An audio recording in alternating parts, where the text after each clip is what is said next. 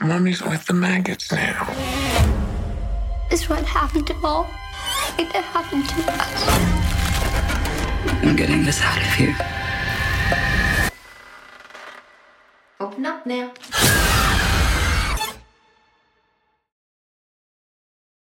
Takk kærlega fyrir að hlusta eða horfa á Bíoblæður. Nú getur þið gerst áskrifundur með því að fara á heimasíðuna mína bioblæður.is og skrá okkur þar. Verðið er einungis 1099 krónur á mánuði. Fyrir þá uppæð þá fáið þið 2-3 aukaþætti í hverju mánuði. Þessi stuðningur skiptir mig rosalega miklu máli, þetta er mikil vinna og hver einasti áskrifandi telur svakalega.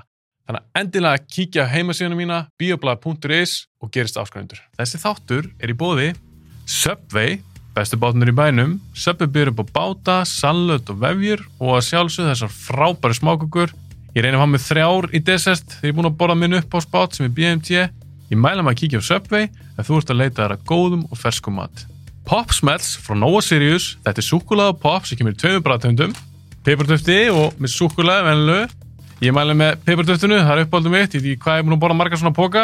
Ég mæli með að fólk smakki popsmell, þetta er blanda sem klikkar ekki, súkulaði og pop. Sambjóna, Sambjón reyka 5 kveikmyndahús, 1 á Akureyri, 1 í Keflavík, 3 inn í bænum, Álabakka, Kringlunni og Eirsöll. Eirsöllin er uppáhaldsbíó mitt, mér finnst bara ekkert toppa sal 1 í Sambjón með Eirsöll. Ég vil þakka þessum fyrirtækjum kærlega fyrir stuðningin, án þeirra gæti ekki gert það podcast. Ég vil líka þakka ykkur og sjálfsögur fyrir að hlusta og horfa á bíoblæður. Endilega fylgi ég bíoblæður á Facebook, TikTok og Instagram.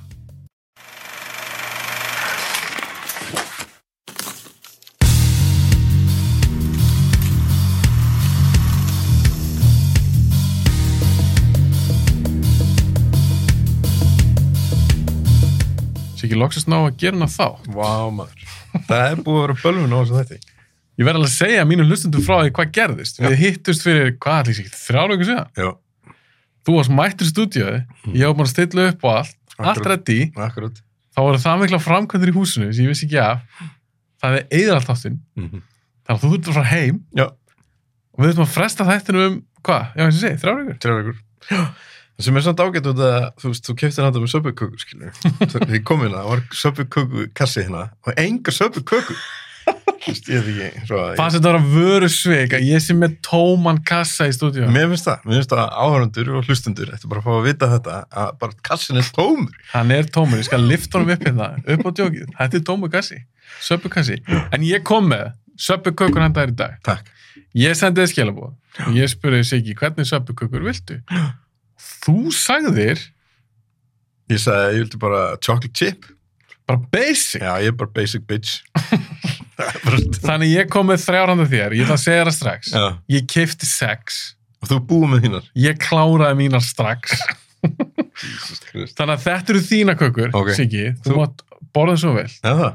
Já, Ok, þetta eru þínar. Takk, takk. Ég get ekki verið að borða meira. Nei. Ég er búin að borða þrjár. Já, en passaði að smjatta ekki í mækinn. Það er svolítið langt sem þú komst til mín. já. Það er bannað að smjatta í mækinn. Það var, voru enga kukur þegar ég kom til þín síðast. Það er það langt síðan Já. að það, nei, alveg nei. Nei, já, þú veist, ég held að það var ekki komið. Ég var ekki Spons. komið með sponsið. Nei, Þannig að þú veist það, ég er að segja þér það núna, ég er að leggja það línunar, Já. ekki smjatta í mækinn. ég er náttúrulega OG bíoblæðs görskilum, þú veist. Þú komst í þátt, þú er ekki sex? Já, eða eitthvað, eitthvað? eitthvað sluð, sko. Það var alltaf ekki komið double digit. Nei, þú ert OG, þá Já. tölum við um, ég man, fyrst áttunum var, var ekki eitthvað skrimindir. Jú. Já. Það var gott stöf.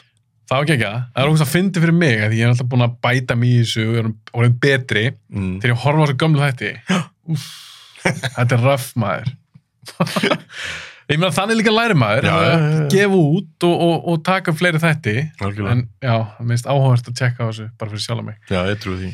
en við erum ekki að fara að tala um 80 grimmindir við erum ekki að fara að tala um bara söpukökur Nei.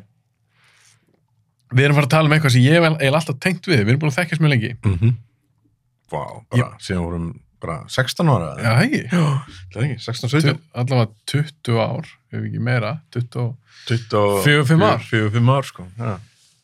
Ég var alltaf tengt um þig hryllismyndir Mm. og kannski sérstaklega draugamyndir. Já, Bara svo eitthvað svona The Shining eða, eða Ch- The Changeling, það er alltaf sem mynd sem þú sagði mig frá á sinn tíma. já. Og ég tjekka á henni út af þér. Mm Þannig ég var alltaf tengt einhvern svona draugamyndi við þig. Og þegar við varum að tala saman fyrir einhverju síðan og við vorum að pæli að fá þig aftur í þáttin já, þá minnum að þú að spurt mig ertu búin að gera eitthvað þátt um draugamyndir já, já og ég sagði, ég sagði nei, Mhm. kýlum á það það er neglum það, það er enda nokkri mánuði síðan Já, já og loksast taka hann upp af hverju draugamyndir Siggi, Uh, þetta er bara eitthvað svona sem hefur alltaf svona blundað í mér svona að þessi þarna hvað ég segja, bara svona hugsun um hvort það sé eitthvað svona eitthvað annað tilhöru stig eh, og eitthvað svona þannig og húst, líka með draugamindir, ég verð fokkin hrættur þegar ég er að horfa á draugamindir það hafa ógstlega mikil áhrif á mig, húst, ég bara sefi illa með þess að ennþá dag í dag, skilur við já, ég, bara, og ég verð bara alveg bara, já, þú veist, alveg frekar fokta Martraður? sko. Já, já, já, já. en það er bara, þú veist, þetta hefur þannig áhrif að mér finnst ég svona sæki í þetta og þetta er smá svona thrill í þessu ennþá, alveg, sko. svona röss Já, kannski ekki eins mikið og áður, sko, þú veist, ég, ég var alveg, þú veist, kannski þegar úlingur eða eitthvað svona, neð, þú veist, það trúði ég alveg á drauga og okkur svona þannig, nú er ég orðinn aðeins meira svona eitthvað, að, ég veit það ekki alveg. ég ætlaði að spyrja þig, það var mín næsta spurning Já, hvort þú trúir á það, ég veit það ekki, sko, ég er svona, ég er langaði að trúa Já, en langar að trúa að, að sé eitthvað eftir þetta, sko, þú veist að, að sé eitthvað annað svona tilurustig eða eitthvað svoleiðis, en ég held að sé, þú veist, ef maður drefst, skilur að maður sé ekkert eitthvað að fara að fokki ykkur um að opna ykkur skápa og eitthvað, þú veist. Nei, nei, en en er, er ekki pínu boring samt að hugsa til þess að þetta er bara alveg búið Jú, það er það nefnilega, sko. Þess það er vegna- boring Og þess vegna held ég að allar þessu sögur hafi orðið til, skilur, þjóðsögur, íslenska þjóðsögur og allt þetta barandi drauga og eftirlífið og allt þetta dæmi, skilur, verður bara til út af fólk bara, þú veist, þú, þú bara meikar ekki tilöksunna um að sé bara svart og ekkert. og bara þú fær bara í moldina Já. og bara búið Já, pældi því, svona, og þegar maður fær, ég fæ þessu svona hu- svona hugsunstundum, Ó, þú hugsa bara eitthvað, þegar ég deg, þá er bara ekkert. Það er bara ekki til. Ég- Og maður fær svona bara alveg stein í fokkin hjarta, sko. ég, ég ætla bara að segja það, ég hef Já. sagt þetta ári í podcastunni ég neita að trúa því, Já. ég trúa að drauga Já, og mér er alveg samt að fólk kallir mig klikkaðan eða skrítin eða eitthvað ég neita að trúa því að þetta sé svona já, já, já. bara bam, búið spil og, og bara ekkert meira Ég meina þegar ég var lítill þá á ég að hafa sagt eitthvað um mömmu og pappa eða ég hef verið að sjá eitthvað shit í kjallaranum heima og svona þannig sko og þú veist og, og ég átti litla frængu sem ég var að passa eitthvað en ég var 12 óra og hún- hún var eitthvað um eitthvað að horfa á Dumbo eða eitthvað, ég horfa á Dumbo svona 100 miljón sinni með henni, hann að gömlu Disney myndina og, og hún kemur eitthvað hann að getur þú kveikt ljósið inn á klósið ég er bara eitthvað, hvað er það, hún var svona örugglega fjögurra, fimm ára, kveiktu bara ljósið sjálfur?" Eitthvað, "Nei, ég get það ekki, maðurinn er þar." Ég var bara eitthvað, "Já," og svona teygði því mín og kveikti. Gjörðu svo vel, bara eitthvað fríki. Já, en maður er heilt fullt af svona sögur já, algjörlega. mamma hefur sagt þetta að ég hef verið þannig að ég var mjög lítill Já, þá var ég að klappa ykkur um hundi sem var ekki annað og sagði að það væri maður með hundin já, já, inn Eh. já. í stofu og eitthvað og ég var vist það lítill að eh, ég ég var auðvitað ekki að búa þetta til Nei, nei, nei. Eh, heldur hún, henni fannst óþægilegt Já. þannig að, já, ég, Nei, þetta er creepy shit, sko. og Þetta er, þetta er já, áhuga já, það er ógeðslega áhugavert og skemmtilegt að pæla í sig og líka bara drauga sögur og líka, og, þú veist, og, og bókmyndir og, og allar þessu sögur sem eitthvað fylgja þessu er bara aðeinslega. Eins og þegar ég var lítill, þá þarna, átti amma mín og afi átti þarna átti seria sem heitir Öldin okkar sem er bara þú veist svona fréttaklippur úr bara þú veist frá þú veist, 17. öld og upp úr sko eða eitthvað og ég fór í gegnum allar þessar bækur og leitaði að öllum draugasögum skilju og las um það út af því að þú veist það potið alltaf verið einhver sem var að fokki í ykkur með að stela ykkur eða eitthvað já, það var bara, það var bara draugur það var draugur, já, það hlutur draugur að hafa dreipið hann og þetta að segja já, þú veist, þú getur ekki sann það er ekki eitthvað CSI en, þarna en, átjándu öld, nei, skilurðu. en sumar sögur og Já. ég hef líka bara heyrt frá fólki sem er ekki mikið inn í eitthvað svona draugadæmi og það bara trúir bara á það er bara vísindi og allt þetta já, það hefur meira þess að lendi ímsu já, já, sem þið finnst það, því finnst það vera pínu óþægilegt svona þessar aðstæðis að lendi í Já. geta ekki útskiptið það Vist, jú, jú, það er endast að leika sem með það og, og, og pælið í en svarið mér er alltaf bara draugar já, já, já. Nei, ég minna, já, þú veist, já, ég vona alveg að segja eitthvað, skilur, en ég veit ekki hvað hvað er, þú veist, ég held að allan engin hvít lög, þú veist, þess að síðan textar og eitthvað shit, sko. Nei, ég mynd sett inn í stúdíu, alltaf ég gerði það viljandi. Já. Þetta er held ég úr mynd sem heitir A Ghost Story, sem ég hef reyndar ekki séð. Nei, ég hef ekki séð hann heldur. Mér fannst bara svo fyndið, þetta er beilig bara svona, svona komisk útgáfa draugi, bara Akkurat. sett bara, sett bara lag og Já. gerð tvö gött. Mm -hmm. En þegar þú hugsaðum um draug, Mhm. þá er, er þetta ekki svolítið svona poppar upp í hausuna þér? Menn, það er eitthvað svona lúk, Já, já, já. þó maður sé ekki, ég menn allar þessar draugmyndir sem við erum að horfa á, draugunni líti ekki svona út. Nei, nei, nei, nei. En allan í mig, þetta er svona innprenta bara, Já, bara ég meina- krakki. Maður var að leika sem með Playmo-draugin, skilur, sem var svona. Já, Sem- er- sem- einmitt, var hann ekki svona? Al- Alveg svo því. Já, En ég held að þú veist, þetta kemur frá, þú veist, í að, þú veist, það voru sett hvít lög, skilur, yfir fólk, þegar voru látin, skilur, þú veist, og séðan ertu bara eitthvað gangandi um hérna með, já, með lagi á með þess laki á þeir, skilur. sem var sett á Já, þér. já. Ég Held að, þetta- ég held að þetta tengist því, sko. Og séðan alltaf voru þær alltaf með svona eitthvað hlekki á sig líka, skilur, þú veist, og það það eru einhverjir Classic. glæpamenn eitthvað, þú veist, og og síðan er, eh, já, bara, þú veist, úr öllum sér draugamyndum og svo, þú veist, að, að þú veist, uh, eins og Chris, Christmas Carol og svona, þú veist, þú, þú, þetta eru hlekkinni sem þú smíðaðir hana í lífinu, skilur, þeir sem er að íþengja, þú veist, að, hana, hana, draugnum hana Mar Já, já. Marley eða hvað sem hún heitir. Mhm. Akkurat, sko, góða pælingu með það. Ok, þá er ég að segja ánum við fyrir að henda okkur í þetta. Þú komst mér í rauninni þinn top 10 lista. Já. Þú sagði það strax þú komst inn í stúdíu, þú sást hérna hvað ég í rauninni skýri þáttinn, draugamyndir. Já, Þá sagði þú um mig bara, hei, ég, ég er rauninni bara að hugsa um svona haunted houses, já, já, já, já. eða Það- reynd hús. Þetta er ekki, við erum ekki að hugsa kannski svona aðrar draugamyndir, en er þetta ekki oftast eitthvað svona, það er eitthvað reynd í ykkur húsi, er Já, þetta ekki sko, oftast þannig? Það virðist einhvern veginn vera, þú veist, það eru eitthvað ákveðna reglur oftast með drauga og þú veist, í sögunum og í myndum og eitthvað. Að þeir eru oftast, þú veist, fastir við einhvern stað, skilur, þeir eru fastir á staðanum þar sem voru myrtir eða whatever, skilur, og það er ofta einmitt hús, sko. Uh, en síðan eru náttúrulega til, þú veist, draugamyndir með eitthvað svona entity og svona þannig sem er, þú veist, ekki tengt einhverjum ákveðnum stað eða einhverju húsi.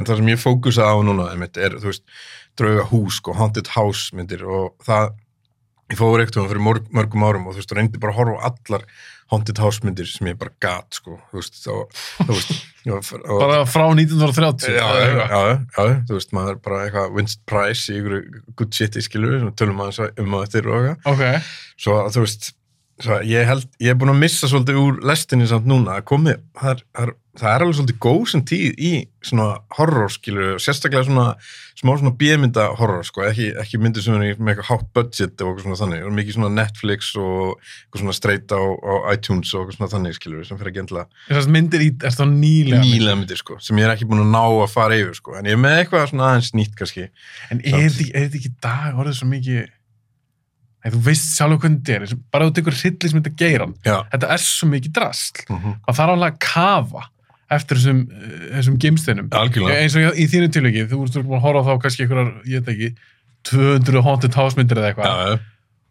öruglega 75-80% af því er ekki gott Nei, bara fucking algjörst rusl sko Þann, en þá verður maður svo gladur já, þá maður hittir á einhverja eina geggja algjörlega og ég náttúrulega, þú veist, þú sagðir að þegar ég setti hérna, ég er með náttúrulega Excel-list á þetta ég rugglaður, sko hérna, Já, ég bara, þetta er bara einhver Já, rítgera já, já. það er þessi 100 til ja, það eru rugglaður 30 myndir hérna eitthvað, sem er 10, þú veist, þetta er bara svona og það þegar, þegar, líka þegar ég byrja að horfa á aftur, það voru tvær myndir sem voru í topp 10 listanum þegar ég hugsaði bara um hann þegar það voru fyrst, sem er ekki lengur inn á hann og mér fannst það bara ekki ja, góðar lengur, sko Já, eftir annað áhorf Eh, já, já, og þetta er, þú veist, er kannski myndir sem ég horfði á þú veist, fyrir 20 árum, þú veist, þegar rétt 20 eða eitthvað sem höfðu, wow, hvað þetta er fucking scary mynd og voru að horfa á hana og allir vinnur okkar horfa á hana og þú veist, eitthvað svona þannig og í dag var ég bara eitthvað uh, út að ég er hann svo cool, skilur að horfa nýbúin að segja og fara ennþá martra og ég er líka mjög, þannig að kontradikta sjálfum mig mikið, líka heldur, sko Ok, ég vil samt líka segja það að ég, ég er ekki sjálfur með lista Nei. ég er svona að reyna sjálfur að bakka svolítið mikið út úr þessum lista þáttum að því að ég er búin að bladra svo ógeðslega mikið í þessu podcasti, já, já, já, lega bara frekar fólki að koma í sína lista og við fókusum bara á, á þær myndir akkurat en ég horfði samt á tvær myndir já, sem að þú sagði að hefðu verið samt svona endurorður á- Já, já, já, þetta er, ég var búin að sjá það báðar bara einu sinni já, og ég ætla að segja núna bara hvað myndir það voru ok, og hvort sem það er á listan þínum eða ef það eru ekki á listan þínum já, þá kannski tökum við svona stutt spjallum að þær ok ef það eru á listanum þá skulum bara býða með þær þangur til að En kemur bara að á þér. topp 10 listanum eða ekki, eða hvað? eða bara sem plan, Ah, ok, ok. parta þessum 30 myndalista Jésús. þetta er, þetta er top 10 þátturunni Já, já. bara draugamyndir eða haunted house myndir Þetta var smyndin. en ég horfði á The Others Já, hún er á listanum. og The Changeling Já, hún er líka á listanum. ég hugsaði með Siggi Potter að koma með þessa myndir ég verð að horfa á það aftur Já. það er svo langt sinni að sé það Já, já, já, og það er lengar sinni að sé The Others því ég sá hana bara þegar hún kom út já, ég sá hana bara í bíó já, uh, Changeling sá ég uh, það er svolítið síðan þú bentir mér á hana já, það er kannski 12-15 ár síðan, akkurat. eitthvað slags. Þannig að ég vildi endilega horfa aftur á það til þess að vera með það svona feskari minni. Já. Og Changeling horfði ég bara á í dag Já, ok, og, vá. og The Others horfði ég á fyrir já, þreim vikum cirka. Ég hef ekki séð Changeling í tíu ár samt, sko. Það var, já. En þú varst múin að sjá hana nokkur sem það ekki. Jú, jú, jú, jú. hún er alveg bara, og við förum yfir hún betur eftir, sko. Þú veist, hún er alveg, hún er alveg ofalega á listanum, sko. Ok, ég er að pæla, hvernig viltu gera þetta? Eigum við að taka, eigum við að fara í gegnum þessar tíu myndir? Líka þú veist, svo þessi þáttu verði ekki alveg fjóri tímar. Já, Eigum við að taka fyrst þessar tíu myndir og svo bara fara hratt yfir þessar honorable mentions myndir eða eigum við að byrja á þeim og vinna okkur upp í topp tíu listan en fara kannski hraðar yfir þessar 30. Eða þessar botnin, eða já, sko. honorable mentions myndina. Ég var að pæla hvort að, uh, en ég má stinga upp á sko, Komdu þú með það. bara svo þú ráður ekki öllu hérna bara. Að- að þarna, að ég myndi tala um þess að tvær myndir sko sem döttu út af listanum, Ok. síðan topp tíu listan og síðan getum við svona farið yfir. Ef, Enda þáttinn á þessum honorable mentions. Já, bara svona, svo, það er bara Það svona er eitthvað sniðugt. snöggt dæmi sko. Ok. Uh, og það eru líka inn í Honorable Mention eru, eru, þarna, eru nokkri þættir sko, sem að ég var eitthvað þarna, að fæla í Já. sem að, sem að væri, væri svona smá kúla Já, Þetta tök, er eitthvað. tökum það með. Já.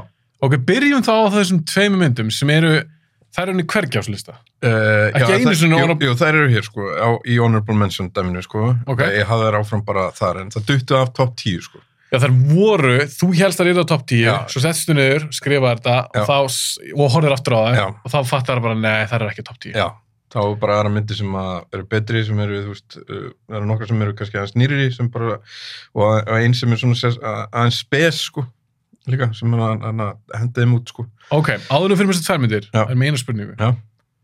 Hvað finnst þér einkenna góða draugamynd?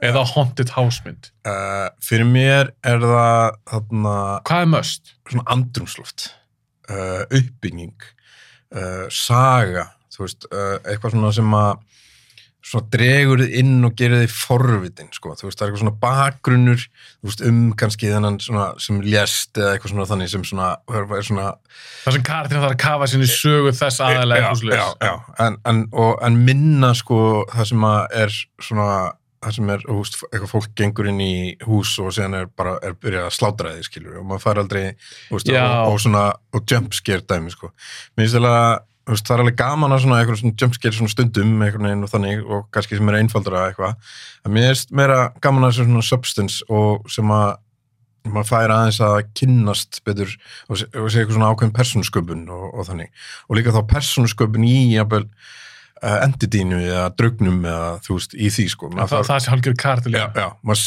maður fær að skilja það þú veist, og fær að vita af hverju þú veist, þannig að það, það varð svona eins og það er eða þú veist, þannig svo ég held að það sé svolítið en það sé rosa mikið bara atmosfýr Af Því ég nú hugsa ég náttúrulega bara strax um Shining, já, Changeling, mm, þær eiga- eiga báðar um samilegt í rauninni þess að þú ert svolítið að tala um já, já, það er svona eitthvað Algjörlega. saga og eitthvað svona svakat andurslott algjörlega við höfum líklegast eftir að tala betur um það er á að potið, eftir ok, þessar tvær myndir sem Já. að dutt á topp tíðlustunum já það er eins sem að þú, það er kannski uh, aftur að koma þér á óvart allan að dotti út af, uh, það er þarna 14 og 1 með John Cusack og Samuel L. Jackson mér finnst hún aðeins sko, mér finnst hún alveg góð en þá en, en bara, þú veist, hún var þú veist, eins og Samuel Jackson eins og eitthvað ógislega illa nýttur í myndinni það er uh, ekki mikið í henni nei, og, og mér finnst hún bara einhvern veginn svona svolítið, svolítið sko, hvernig einn þur og mér finnst hann John Cusack ekki alveg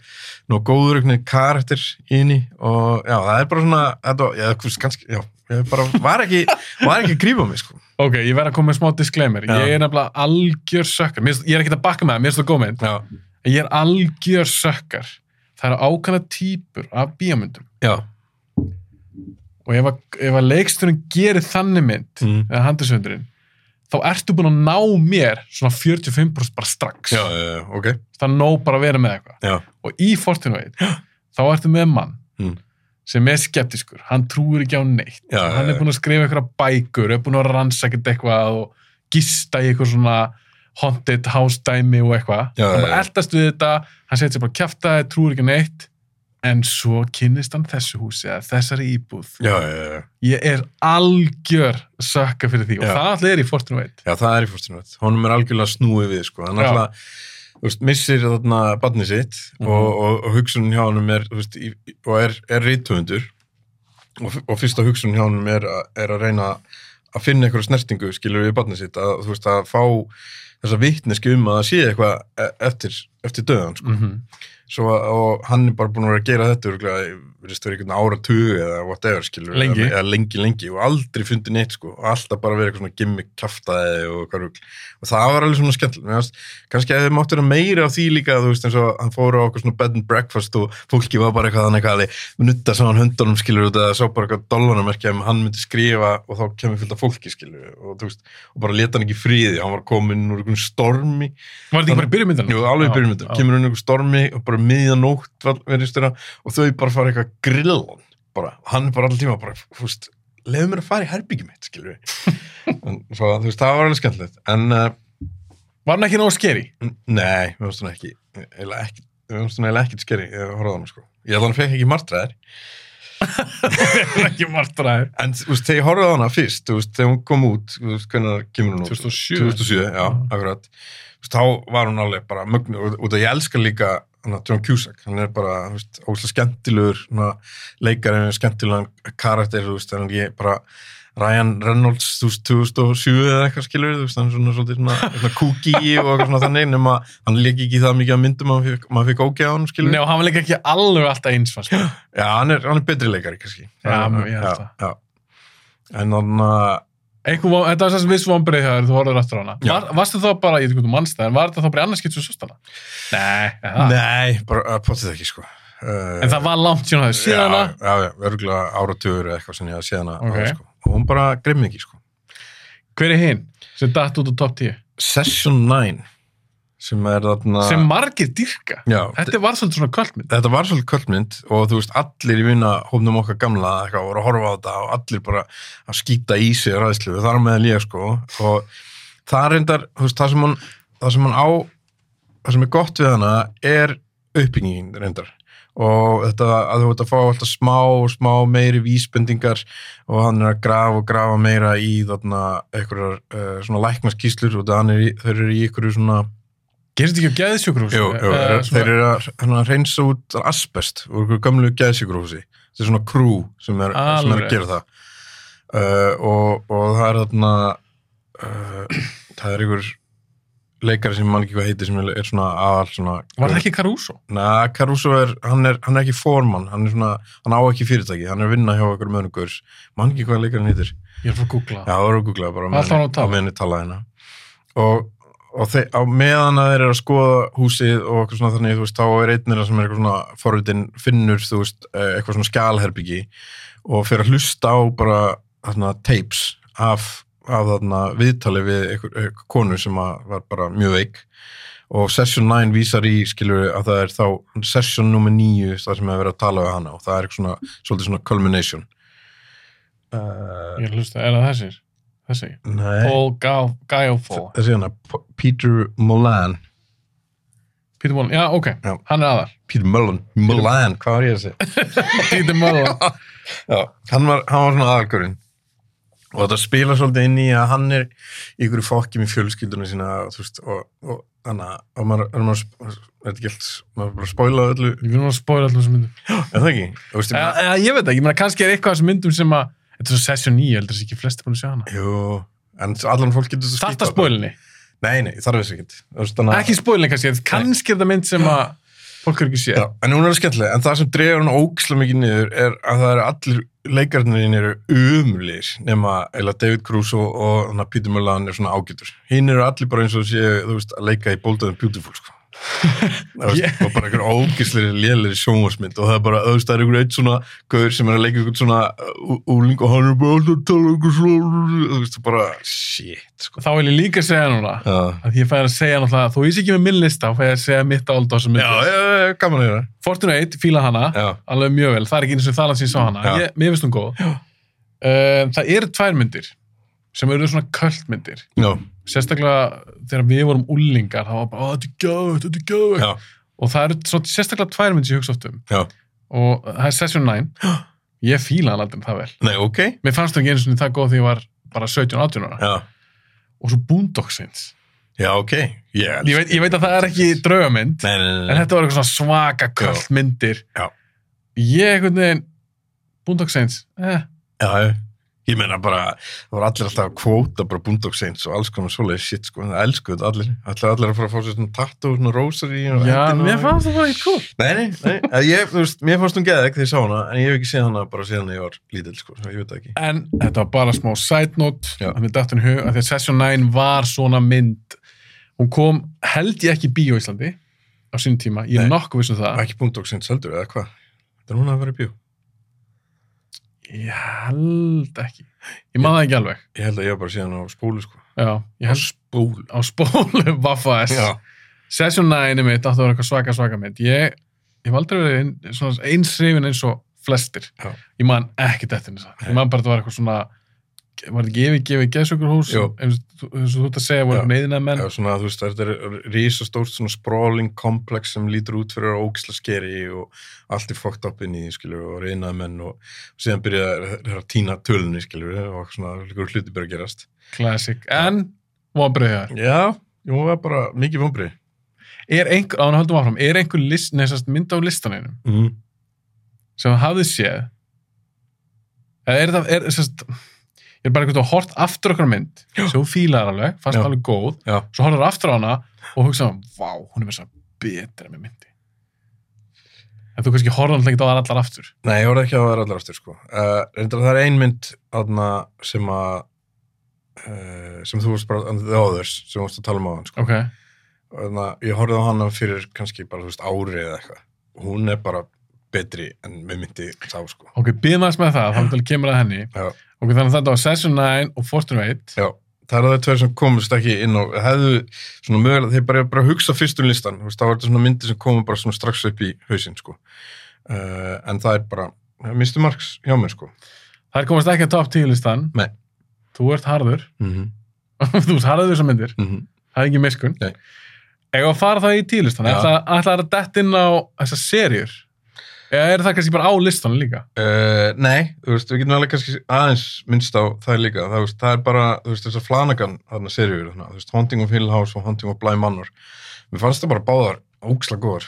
Uh, jafn góðar Nei, Hill House fannst mér nú betri, sko, uh, þú veist, það var kannski, en þú veist, það er bara, ég held að svona drauga myndir og Haunted House myndir, það er bara bjóða svo mikið upp á að- að geta verið í lengra formati, sko, út af því, þú veist, þú getur verið með meira bakgrunn, meiri sögur, tísa meira sko og, og, og ég- mér finnst að hann hafa hitt inn á eitthvað óksla næs þannig sko, þú veist eins og minnst ekki hafa eins og þarna American Horror Story og eitthvað svona þannig þeir voru með eina serju held ég sem var eitthvað svona, sem ég kláraði ekki eins og sem var svona smá svona haunted house eitthvað dæmi svo að, þú veist, en Flanagan einhvern veginn tókst þetta sko mér finnst þetta bara, báða seriurnar, þú veist þetta er alveg eitthvað sem ég geti hugsað mér að horfa á aftur með þess að, þó ég hef bara horft að þar eins og ný, sko, verður að spyrja stutt út í eina aðra serjur sem ég veit að þú búin að sjá já, gömul serja, draugar serja Já, ég veit hvað, já, akkurat. Hún er á listanum minn líka. er, en er hann á top 10? Mm -mm. nei, ok, það er Rose Red Já.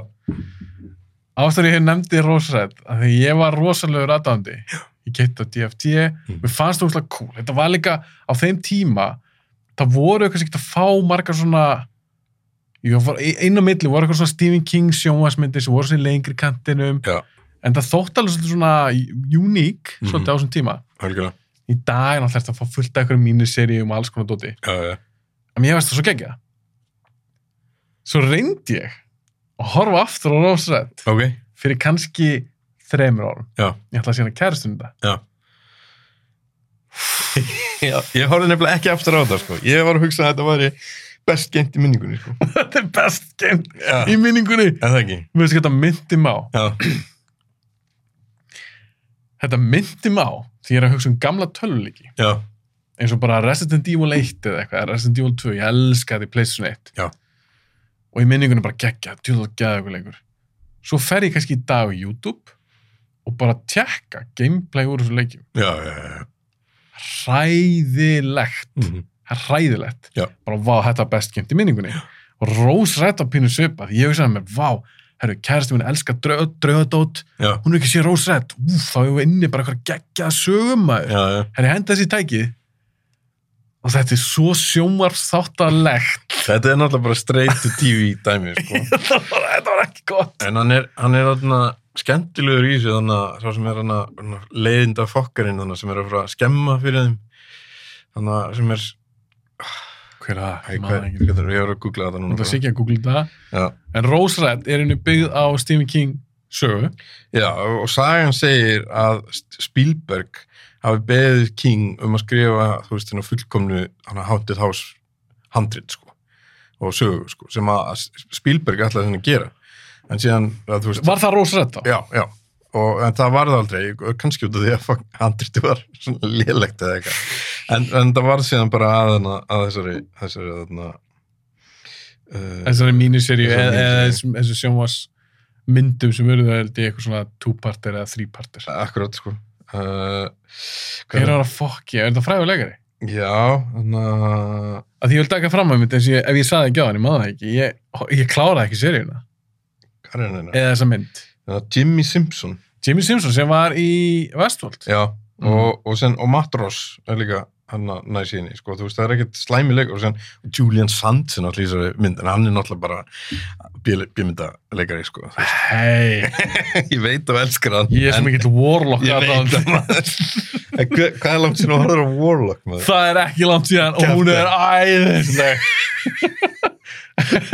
það er alltaf 80s mynd Já, döðans já, já, já. en hún er geggja skemmtileg. já. En hann er, hann er flottur, sko Banna, hann má ekki drullu yfir Julian Herðu, er ekki Julian Sands, en ekki ennþá tindur? Jú, ég held að Það er rétt Ríkar, Það- það það er tindist rosalegt. þetta ekki stöður í Jú, bandaríkjum. jú, Var hann ekki bara á í- í- Einhver einhver hæk. svona- einhver hæk, Já. einmitt. Já. Ég Ríkar. held að maður. hann hafði ekki fundist það þá, ég hef alveg ekki sér fréttir um það. Það er Þa, rosalegt. það er svona leikar sem mér bara hefur alltaf þótt mjög væntum. Já. Já, eða var ekki næst í Travis líka í Jú, Rosalind? þú veist, Já. það eru alveg fínir leikarar í þessu nefnilega, sko. Og það er, samt í hausnum á mér, er ógislega mikið af atriðum í Rósrætt sem ég bara man ógislega vel eftir. Og við, þannig að, og svo Snorri sem er oft komið inn í þáttin hjá þar, skilur. Fastagestur. Og vorum alltaf með hann að grínið hann að eitthvað, help us build.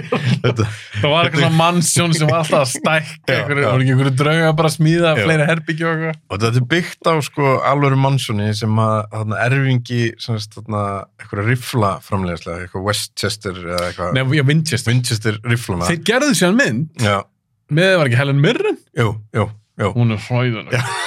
Er það að sjá hana? Nei, ég er Hún bara er að sjúta ömurleg.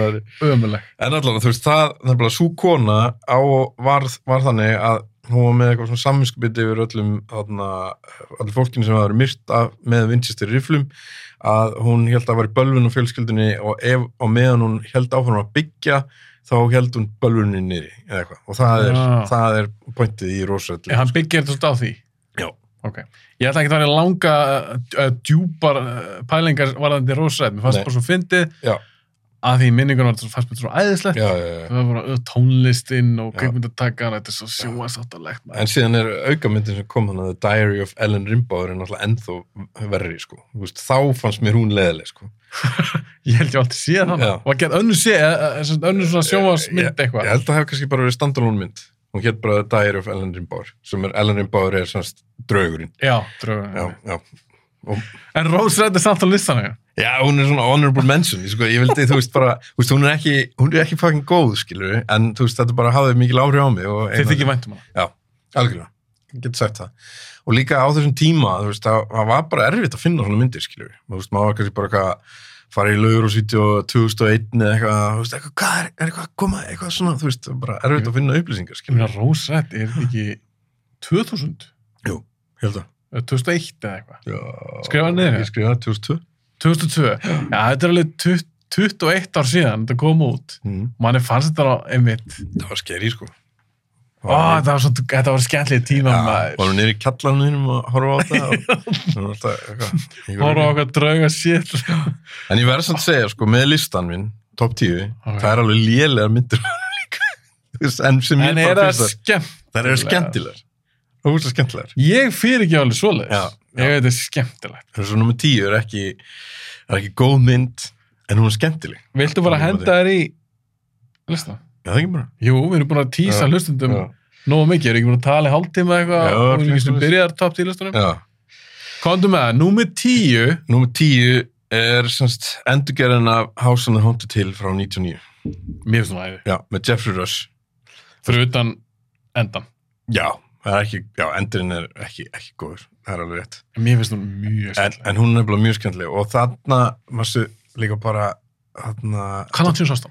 Sorry. ég horfði ég bara svona kannski fyrir þrjum, fjórum mánuðum sko. Já, hún er ennþá skemmtileg. já, já, Það var svolítið síðan ég sá hana. já, ég er að horfa á hann aftur bara, og mér finnst hann að, og það Jeffrey Russ er bara náttúrulega Æðislega. æðislugur og hann er óslega góður sem þessi sleazebag sem þú veist ekki alveg hvort það sé einhvern veginn góð guður eða sé bara fokkin sleazebagin sem hann lítur út fyrir að vera í myndinni og hann bara, hann er perfect í þetta og hann heldur þessar mynd uppi, finnst mér s- að- að að mestu leiti, mér finnst alveg hún er svolítið forgettable hann aðleikonan, skilur við sem bara svona eitthvað eitthvað, hann já Var þetta ekki Alin Larster?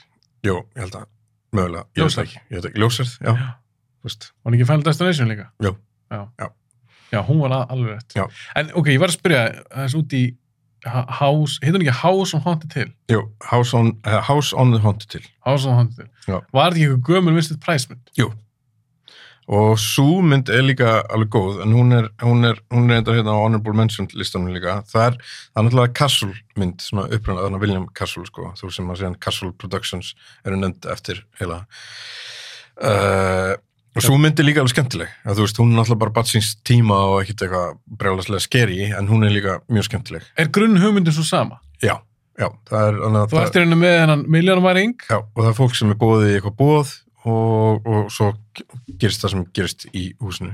Mér fannst það helvit skemmtileg maður. Já, og þetta- það er svolítið þannig að mistur í hana og það er aftur, þetta, geðveikri hæli, þú veist, það er eitthvað vont Það er þarna á geðveikri hæli. classic maður. En það sem ég ætla að segja á hann er, þú veist, þarna, með draugin, al, þarna, draugin sem er þarna, leikin á þarna, my, my body is a roadmap of pain, görnum úr hana, úr hana, Frighteners. Frighteners. Þú ert tónum Jeffrey Combs. Já, já, Sér alltaf líka frægur úr Rihanna myndur. já, já, akkurat, sko. Og, Æðislega. Ha- hann, þú veist, það er náttúrulega ekkit speaking part hann eða neitt, sko, hann er bara eitthvað draugur hann en, en það er þetta moment, sko s- ég held að þetta sé í fyrsta sinni sem ég sé þetta hvernig draugurinn reyfist, hann svona þú veist, svona, Já, einhvern veginn, svona já, já. stekkur til einhvern veginn, eins og sé svona glitcher í honum Já. og það, þegar ég sá, maður sá það að fyrsta sinni, það var alveg scary moment, sko Man fannst það mjög fríki. Já. Ég velti fyrir mig hvernig það eldist. Er það ennþá töff? Mér fannst það ennþá töff, eða þú veist, það var ekkert eins skeri einhvern veginn, en mér fannst það alveg ennþá töff, sko.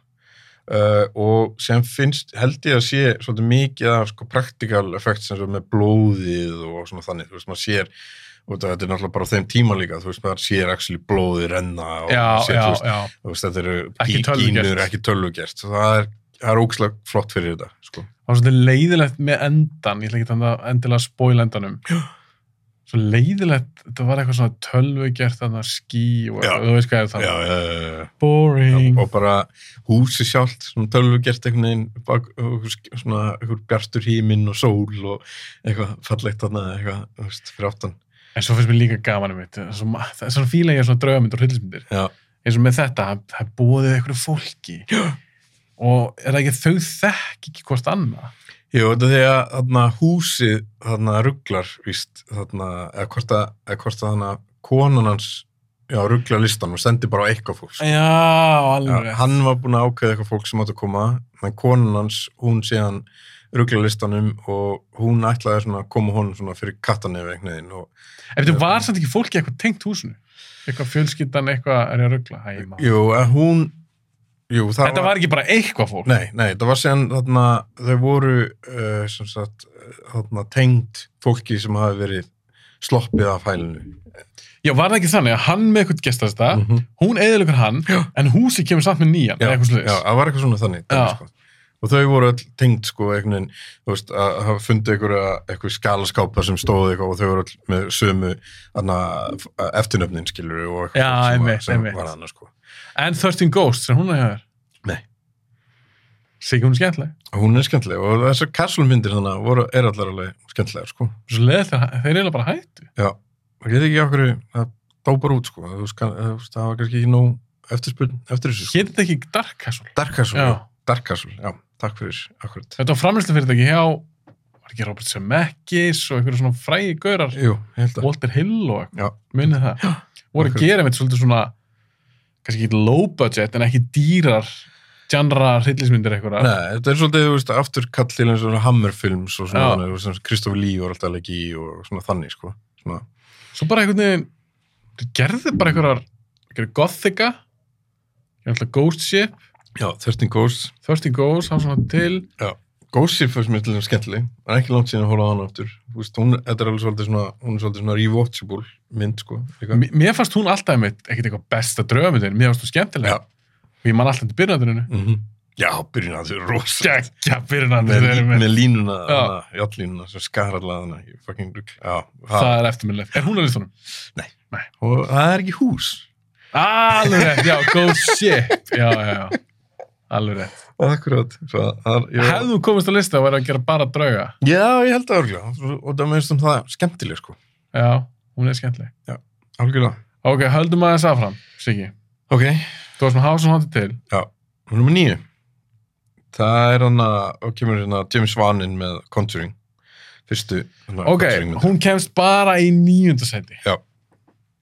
ok, en hún kemst hann til top 10 hún kemst í topp 10 og hún er bara þú veist, er hún ekki svolítið að leiða inn svona nýtt era í svona myndum, skilur við þú veist, út af hún fær sko svo mikið almennt almenna hilli, þú veist, hún, hún nær svo miklu, þarna já, bara fólk, þú veist, farur góða dóma og hún þarna, raka inn örugglega peningum, myndi ég held að ég fór um þetta að hugsa þetta Já. bara á leðningað þá fór ég að hugsa um þetta um bara draugamindir þetta hefur alltaf lifað af Mhm. gegnum kveikmynda þú veist, eftir tímabilin bara rocka, það er eitthvað sem er í tísku in the 70s og Já. eitthvað 80s en eins og í 90s þá er alltaf dettur svolítið niður 90s er líka svolítið lélur áratöður þegar kemur hilsmyndum, Já. en svo alltaf kannski eftir þarna uh, aldamótin, já, þá ertu nú auðvitað með japanska mm dótið og asísku myndin og komst sterkar inn algjörlega Ring, þó hún, ég held að hún sé frá 98 Já. en hún er svona dettur almenn inn alltaf með endurgerðinni amerísku, ég held að hún sé 2002 algjörlega það er svolítið svona ráða ferðin í ákveðin tíma mm. en svo kemur James Wan með náttúrulega Insidious alltaf fyrsta myndin já, já, já, að gera já, hana á undan já, Conjuring auðvitað það er alltaf Haunted House mynd Já, það er reyndar alveg satt en mér finnst uh, ná, uh, ég held að Insidious hef ekki náð sa- sömu hæðum ef það er nokkuð, Ekki eins og Conjuring.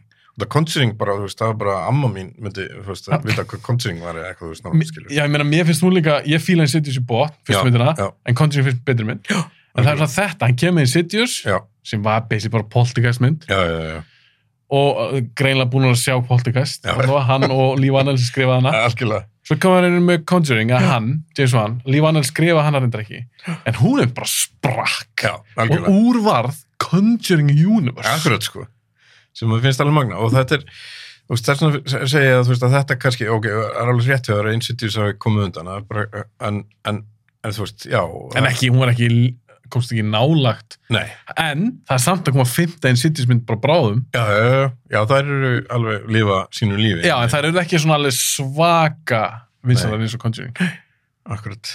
ég geti mér svo trúa, sorry, ég geti Já. mér svo trúa að Conjuring sé bara einn vinsal dröfumynd bara allar tíma Ég geti eða þú bara myndir trúið. hugsa á box office Já. En er þetta ekki bara, þú veist, ákveðin kynnslóð eitthvað sem er að koma þannig inn af leiksturum og framleiðendum, skilur, sem er kannski að alast upp á einhverju smá svona eldri tíma af svona góðum svona myndum, finnst eitthvað svona vanta og sen eru þeir að koma upp þarna og koma þá með. Þú veist, 100% Er það ekki bara svolítið þannig, sko? jú. En Það, það er líka bara verist vera þetta helst náttúrulega í hendur þarna þú ert með James Wan Já. sem er náttúrulega nörd, hann er kvikmynd og nörd þessi gaur, Akkurat. en hann er líka hæfilegur Já, já, já. hann er góður, og hann er svona leikstur sem verður alltaf betur og betri, Já. maður sér það bara þegar maður horfir á Saw, svo með Dead Silence Mm svo bara verður hann alltaf, svo horfir á Conjuring Akkurat. greinilega gæi sem er búin að- búin að svolítið svona mastera svolítið Já. sitt kraft Já. Og þú veist, og ekki alveg fastur eins og í, þú veist, einhverju svo og eitthvað svona þannig sem, er, þú veist, Nei, þannig er hann komin þú veist, eins og Conjuring er svolítið, þú veist, það er alveg eitthvað smá jumpscares í henni svolítið en, en, en a- atmosfærið er þarna, skiljum við, þar Já. sem við vorum að tala um í byrjun á Ah, já. tættinu atmosfærin og, nefnilega og, er hann. og, og sagan og, og, þú veist, og, og grunnurinn, skiljum við það er eitthvað grunnur sem myndin stendur á og þú veist að og það er oft það sem vantar kannski í, í, ykkur, í draugamindir og, og svona þannig að það, veist, það er, og því að í, í grunn, grunni snýstið um skilur einhverja sögu, skilur eldri þú veist, þú veist, þá þarf að vita af hverju þetta, þetta illa entity eða þessi draugur er að gera það sem hann er að gera og ef þú veist það ekki og það er ekki búið að byggja þennan karakter upp, þá bara fellur þetta allt um sig, skilur. Algjörlega, en það sem hann láði lí- líka gera James Wan er svolítið magnað þegar ég, nú- sem ég, segi, ég var að horfa á Changeling aftur um- bara í dag, Já. ég meina það er rúmlega 40 ára gömul mynd Mm -hmm. Conjuring og Changeling minnst að lega hæ- þetta á heima á sama stað Já. en hann er að taka þetta og- eins og Conjuring er fyrir nútíma já, já, já, já, já. hann næri einhvern veginn að modernæsa Já. þessar gömlu myndir akkurat og það er ekkit auðvelt Nei. en hann heldur svolítið í svona kjarnan já, já, já. og ég get alveg trú að þú veist, það er margir sko sem að uh, sem myndi horfa á, þú veist, changeling í dag sem myndi bara, þú veist, afskrifa hana algjörlega þú veist, uh, og, Já, hann er og, gömul. og, og þetta er bara þetta er allt annað pace og allt svona þannig og þú veist, og ég er alls ekkert að dæma fólk fyrir það, ég, sk- ég skilða alveg, við erum bara komin í einhverja aðra kynslu eða þú veist, að- aðra, aðra tegundeknin af, af, af myndum sko en, en, en þetta er alltaf, það er þetta atmosfýrsand það er það sem þetta og, fokkin, og, þú veist, og þá á ég líka við eins og tónlistin þarf að virka Já. uh, og þú veist og, og, og, og, og hljóð heimurinn sko. það skiptir svo miklu máli en hann er líka svo góður í vaðan að gera að gera alveg skeri dót já, ef hann vill gera eitthvað skeri þá er þetta alveg skeri já, akkurat og það er alveg aðeins eins og með þeirra að klappa já, þú veist, úr skápnum akkurat nornin hann eða hvað þetta var upp á, sk- upp á skápnum já, já, Þú veist, allt þetta eða ykkur hrætt undir ykkur sæng og segir það er ykkur baku hurðina já, já, já. og við sjáum bara svarta myrkur Já. maður samt að það var spendur Mm. og stressaður, hrættur Já. mér varst hún svinnverka Já, ég er sammála því og hún, hún líka byggir náttúrulega á þessu þú veist, út að það er náttúrulega alvöru fólk skilur við, sem er að, með alvöru drauga ég er með smá svona air quotes hérna Gæsalappi. Gæsalappi hérna þú veist, þú veist, út að- þetta er byggt samt á alvöru fólki Já, algjörlega. Já. Jésus. Ég var Hringi ekki, síma var ekki hérna. búin að setja hann í... Hérna. hann var að silent allavega, Ég var do not disturb, sko. Sorry. allt í góða Uh, já, hvað var að segja? Og þetta byggir á, þú veist, raunvöluðum atbyrjum. Og það er óslega cool líka, skilur við. Það Og, er þú veist, ekki að- og sérstaklega eins og eftir þá mynd, þú veist, þá fór maður bara strax náttúrulega í að googla þetta fólk, skilur við, þessi hjón og þú veist, og, og horfa á okkur gömul YouTube-vídeó að þú veist, svona viðtölu þau og Já. að skoða hvað þau hefur verið að rannsaka og alls konar þannig, þú veist, svo, og ég, veit, ég hef s- líka nefnt þetta í podcastun áður ég ætla samt að segja aftur að mér finnst þetta, þetta satt svo í mér að ég kefti Conjuring á, á Blu-ray á þessum tíma já, og ég horfði aukaðnið já, og það viðtal við auðvitað skipta skoðan ég menna það er sumir sem trú ekki um drauga, aðrir sem trúa og mhm, sumir sem segja bara, já þetta fólk er bara að ljúga eða eitthvað en þetta hús var til, eða er til mhm, það er með svo stutt sem það var selt já, ok. og ég veit ekki hvort þú vissir það Ég, ég því vissi það ekki. og uh, kannski til þess að búa til eitthvað hæpi kringu það og eitthvað Já, já, en þá var sagt í rauninni basically eigendurnir það býr enginn í þessu húsi nei, nei, nei. eigendur sögðu, við skulum selja það en bara það skilir, það má enginn flytja inn í það eða eitthvað svo leiðis Já, ok. þú veist, og kannski það er eitthvað, ég veit ekki, eitthvað PR stönd eða eitthvað, Já, já, já. en ég held að viðkondi sem keifti húsi alltaf búið eitthvað til, ég veit ekki, akkurat, ég veit ekki, haldi eitthvað miður sundan eða eitthvað, Við erum eitthvað túr bara. eitthvað eða þannig. liggur við, Já, eitthvað já. svo leiðis Já, en allavega í aukarninu á Conjuring þá var viðtal við mömmuna já, sem bjóða hana ok. og í þessu viðtali, mér fannst að þetta satt rosa í mér, að því hún virtist ennþá vera hrætt Já, já, já. og þetta eru mörg, mörg ár síðan þetta eru 30, 40 ár síðan það var Já. Ég meina, þetta, hún- þetta gerist svona in the 70s, já. eða ekki, ef Jú, maður jú, rétt jú, algjörlega. og hún virka, þegar hún var að tala um húsið og tala um það sem þau sáu Já. hún virkaði ennþá hrætt jú, jú, kannski hann að leika það, Já, en þá leiku það helvíti vel já, já, já. Já, þetta er nefnilega, sko, hann, hann hitta á okkur gull með þessu, sko. Að finna eitthvað svona sem var svona pingu. Og það er að sama kannski eins og með Amdivel, skilur. Sem er hérna, hún er reyndar á, ekki á listanum, hún er á, hérna, Þú bara tala um orginal Já, já, myndvél, já. Og Og sem þau- er já. einmitt byggð á alvöru líka. Já, sem byggðu alvöru húsi þú veist, það er allir sko sem fíla horrormyndir einhvern veginn vita hvernig Amityville húsi lítur út, skilur við þú veist, með þessum Iconic. tveimur gluggum, þetta er bara Já. þú veist, iconic, það er bara og, og þetta er alvöru hús, skilur við sem að, og þá er þetta byggt svona aðeins á alvöru sögu og það er einhvern veginn, þú veist, James Wan bara náttúrulega elst upp við þetta, þú veist það er ekkert, það er alveg augljóst hvað hann einhvern veginn hann fær hugmyndina og, og, og þú veist, þá er bara heppin að detta sér niður á þetta, þetta sem hann getur Algjörlega. notað, sko. Ég meina, það er gauð sem er pott búin að sjá Shining og Changeling Já, og Aventur já, Horror já. og allar þessar draugamyndir. Algjörlega. Og svo klart mál hvað hann að fara innbrast. já, já. Og, og það er líka bara svo flott þú veist að sjá þróunina í þessu þú veist, og hann bara gerir þetta úrslega vel og þeir, svo að Conjuring, þú veist, það hefði alveg getað að fara herra en uh, og, já, þú veist, þetta- þetta er úrslega erfitt líka að gera þessa lista, sko Ég það er veit ógæslega erfitt og það, er, þú veist, allir sem eru að koma í þessa lista þetta þína, þína, það. Segja eru sama. bara segja það sama, sko Margir á mér sem sagt, þetta er bara erfið sem ég gerð. Já, og það ég get alveg, þú veist, nummer 1 og 2, það var ekkert mál, það er bara, þannig er hjá mér, en hitt er svolítið, gæti alveg verið að hoppa svona fram og tilbaka. Ég sérstaklega ef þú ferð að ranka þetta. Já. Þú veist, ef ég er bara beðið um að koma bara með tíu myndir Mm -hmm. og það er ekkert þetta að pæla að ranka, Nei, það er ekki eins mikil áskorun Nei. en þú þarf að ranka þetta En þú sagði líka, þú verður að ranka þetta þú bara, þú bara hlekkið að mýða fá þau söpbökum Má ég, þú veist, er eitthvað, ekki mikið hljóð bara ekki vera að opna þetta bara beint í mækin Já, svona, svona, og sem bara fá þau köku brýti ég you know? og bara ekki vera að smjatta þú veist bara alveg upp í mækin Ok, ok, ég var í átta förum við átta, ánum fyrir mig átta, sorry þá ætli- ég glemt að spyrja þig. Mhm. Conjuring 2 Mhm. og Conjuring 3 mm -hmm. passa að smjatta ekki í mækin þú ert væntalega búin að sjá þær Já. ok, ég vil segja það strax, ég er ekki búin að sjá þriðju Í alveg, já, ok ég skammast mér smá fyrir það því ég er mikill horrorgæi og Já, fílaði sérstaklega fyrstu en 2 og 3 er að tala um það er þetta, er þetta eitthvað jafn gott? er þetta eitthvað nála fyrstu? mér finnst ekki jafn gott en þú veist, þetta er, þú veist, það er bara gott fix skilur við Anna, og ég minna þess að þess að Annabelle myndir finnst, það er ekki, ég er ekki búin að sjá þær allar sko ég er enda búin að sjá það allar Er það? Hvernig eru þær? Er það, á ég að horfa á það? Ég, ég held þess að ég bara búin að sjá þetta er eina. ekkert, þetta er ekkert sérstæð Nei. þetta er ekkert sérstæð við minnum að þriðja eða önnu myndum var að vera svona best en þetta er ekkert sérstæð dæmi Mm. ég heyri þess mjata, Siki Ég get ekki ég hef fengið skilabú frá fólki Já, ég þess að það. bara hvað er, ég er í vinnunni, ég hlustat með headphoneum Ég get ekki hort, Bara- hlusta á hana guður. Ég bara skil ekki það. smjata Ég er hæður. Já. Og sem- Nei, þú en- mátt alveg ég þetta En sem- ég er, ég er nú svo mikil pró ég get ekki bara að klára þetta fyrir það Já, það. Hvernig sígur þetta þá bara? vel ég raunir bara svona ok, hættum svo rögli Það er þú bara bullshit. re- reynir að passa þetta Og sem eins og það nönn, skilur við. Hún var Það er bara drasl. Algjör djús drast. hún er ekki eins og skemmt Nei. Og bara, þú veist, bara drass horfði á þetta og bara, ég vildi að ég hefði hægt að horfa á hana. ég myndi frekar ég myndi frekar horf 13 Ghosts tíu sem röð Já. heldur en The Nun aftur Já, hún hefur náttúrulega, Þörstin Ghost hefur líka alveg svona skemmtilega. ég er að segja hún er Já, skemmtileg já, já. hún er ekki svakalega skeri Nei. en hún er skemmtileg Já. Nun er ekki skeri Já. hún er hundleðileg líka Já. Akkurat.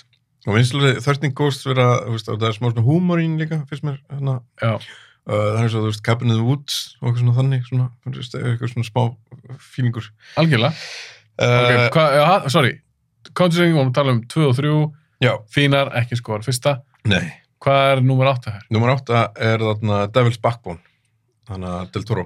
Del Toro myndin, Mm -hmm. landsýn sá, ég hef séð hana Þú langt Mhm. síðan. síndir mér hana á, Já. á sín tíma, sko. Þú, hérna- þarna... ég kefti hana á DFT Já.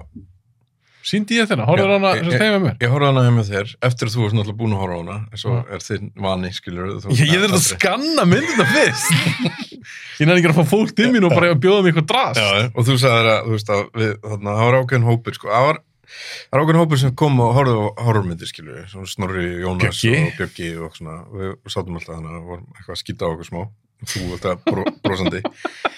uh, en þá var ég kannski búin að skýta mig já, en þá, hún er bara, þú veist, þetta, Del Toro getur gert svo flottan visual heim og honum tekst að gera, þú veist, þessu draugin og þetta, þú veist, bara þetta smáatrið þarna með að, þú veist, það er eins og er svona vatn eða eitthvað, sko, skilur sem að hana kemur út úr gatinu og haustum á honum einhvern veginn svona þannig, þú veist, og þessi dítilar einhvern veginn í d- draugnum og make-upinu og útlitið á myndinni sko, er svo eitthvað bara, þú veist, æðislegt, sko Vá, það er svo langt, ég hef ekki séð hana bara örugglega síðan ég sýndi ykkur hana Já, ok, það er 20 ár síðan Já, en ég, ég mæli með það, þú veist, og það er að, þú veist, ef fólk fílar Del Toro og er ekki búin að sjá þessa mynd, sko, þú veist, þá, þá mæli ég með henni. um hvað er hún?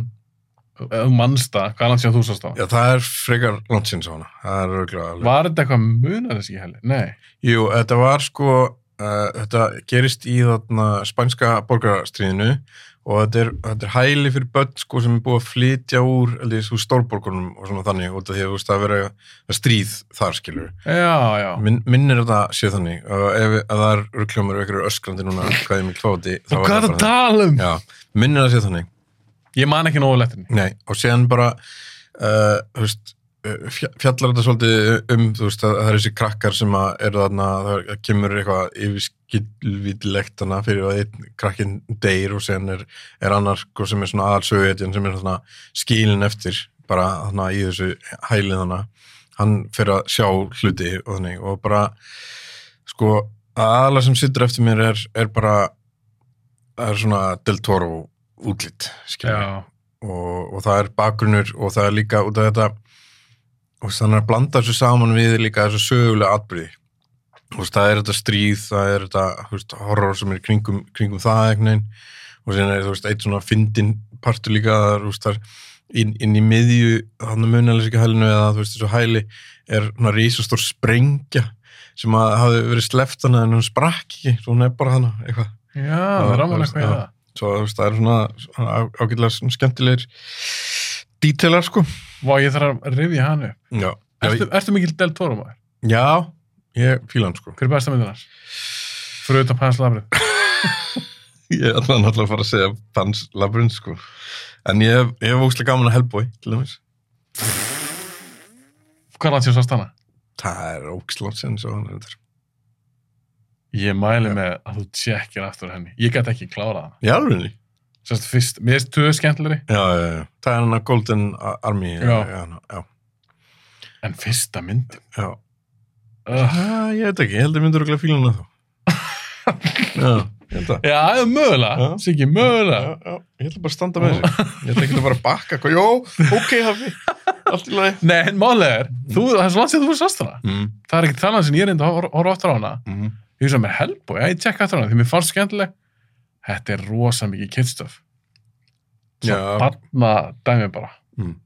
Þetta er rosalega barnalega. Á að vera gett cool og á að vera gett svona fyndið. hvað finnst, sniðugt, hvað er uppáhalds, hann að deltóraðið þitt? Alltaf penslega með. Já, já, ég veist, það er það sem ég hef sagt. En ég, Mér finnst hann ofmyndið samt, já það, sem lengstur, já. Eins og Shape of Water, sástu hana. já, hún er ekki góð. Hún vann Óskarinn. Sem besta mynd. En ég hafði gaman af þarna, Cabinet of Curiosities, sum, þú veist, sum þáttunum. Sérstaklega, þarna, Ég kláraði ekki, ég horfði á allt nema sístu tværaldi. sástu þáttinn þarna, þar sem að hann er þarna storage room, dæmi, eða þú veist, hann er storage space. Með, með, Það er Eitthvað svona djöfull eða eitthvað. hann- já, já. Ó, ekki segja mig hvað leikarn heitir. Hann heitir, sem leikur aldrei ekki? Já, ég man það ekki.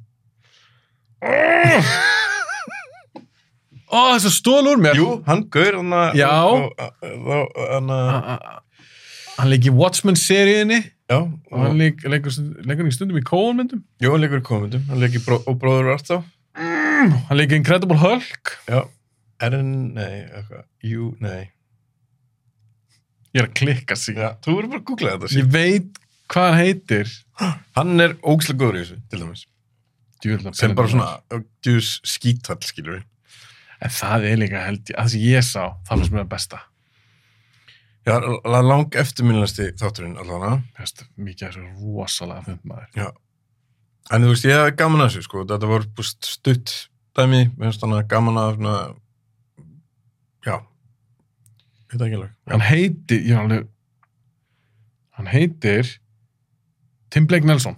Tim Blake Nelson, ok, ég hef ekki, ég hef bara, ég hef aldrei, mm. Mm. ég hef aldrei vitað. Ég vissi alveg hvað það var. Já, já, Já. pirrandi. Hann er flottur Hann er flottur í þessu. og, og góðulegri. Það var skemmtileg saga, Já. en já, mér finnst það svona frekar þund. En ég er auðvitað alltaf mikill stuðnismöður Já, en hann er náttúrulega, en til að Del, reyna að gera eitthvað svona horror út. já, en Del Toro var náttúrulega bara að prodúsa þetta, eða ekki, þú veist, og sinni þetta skrifa og leikstýrt bara af öðrum, eða ekki.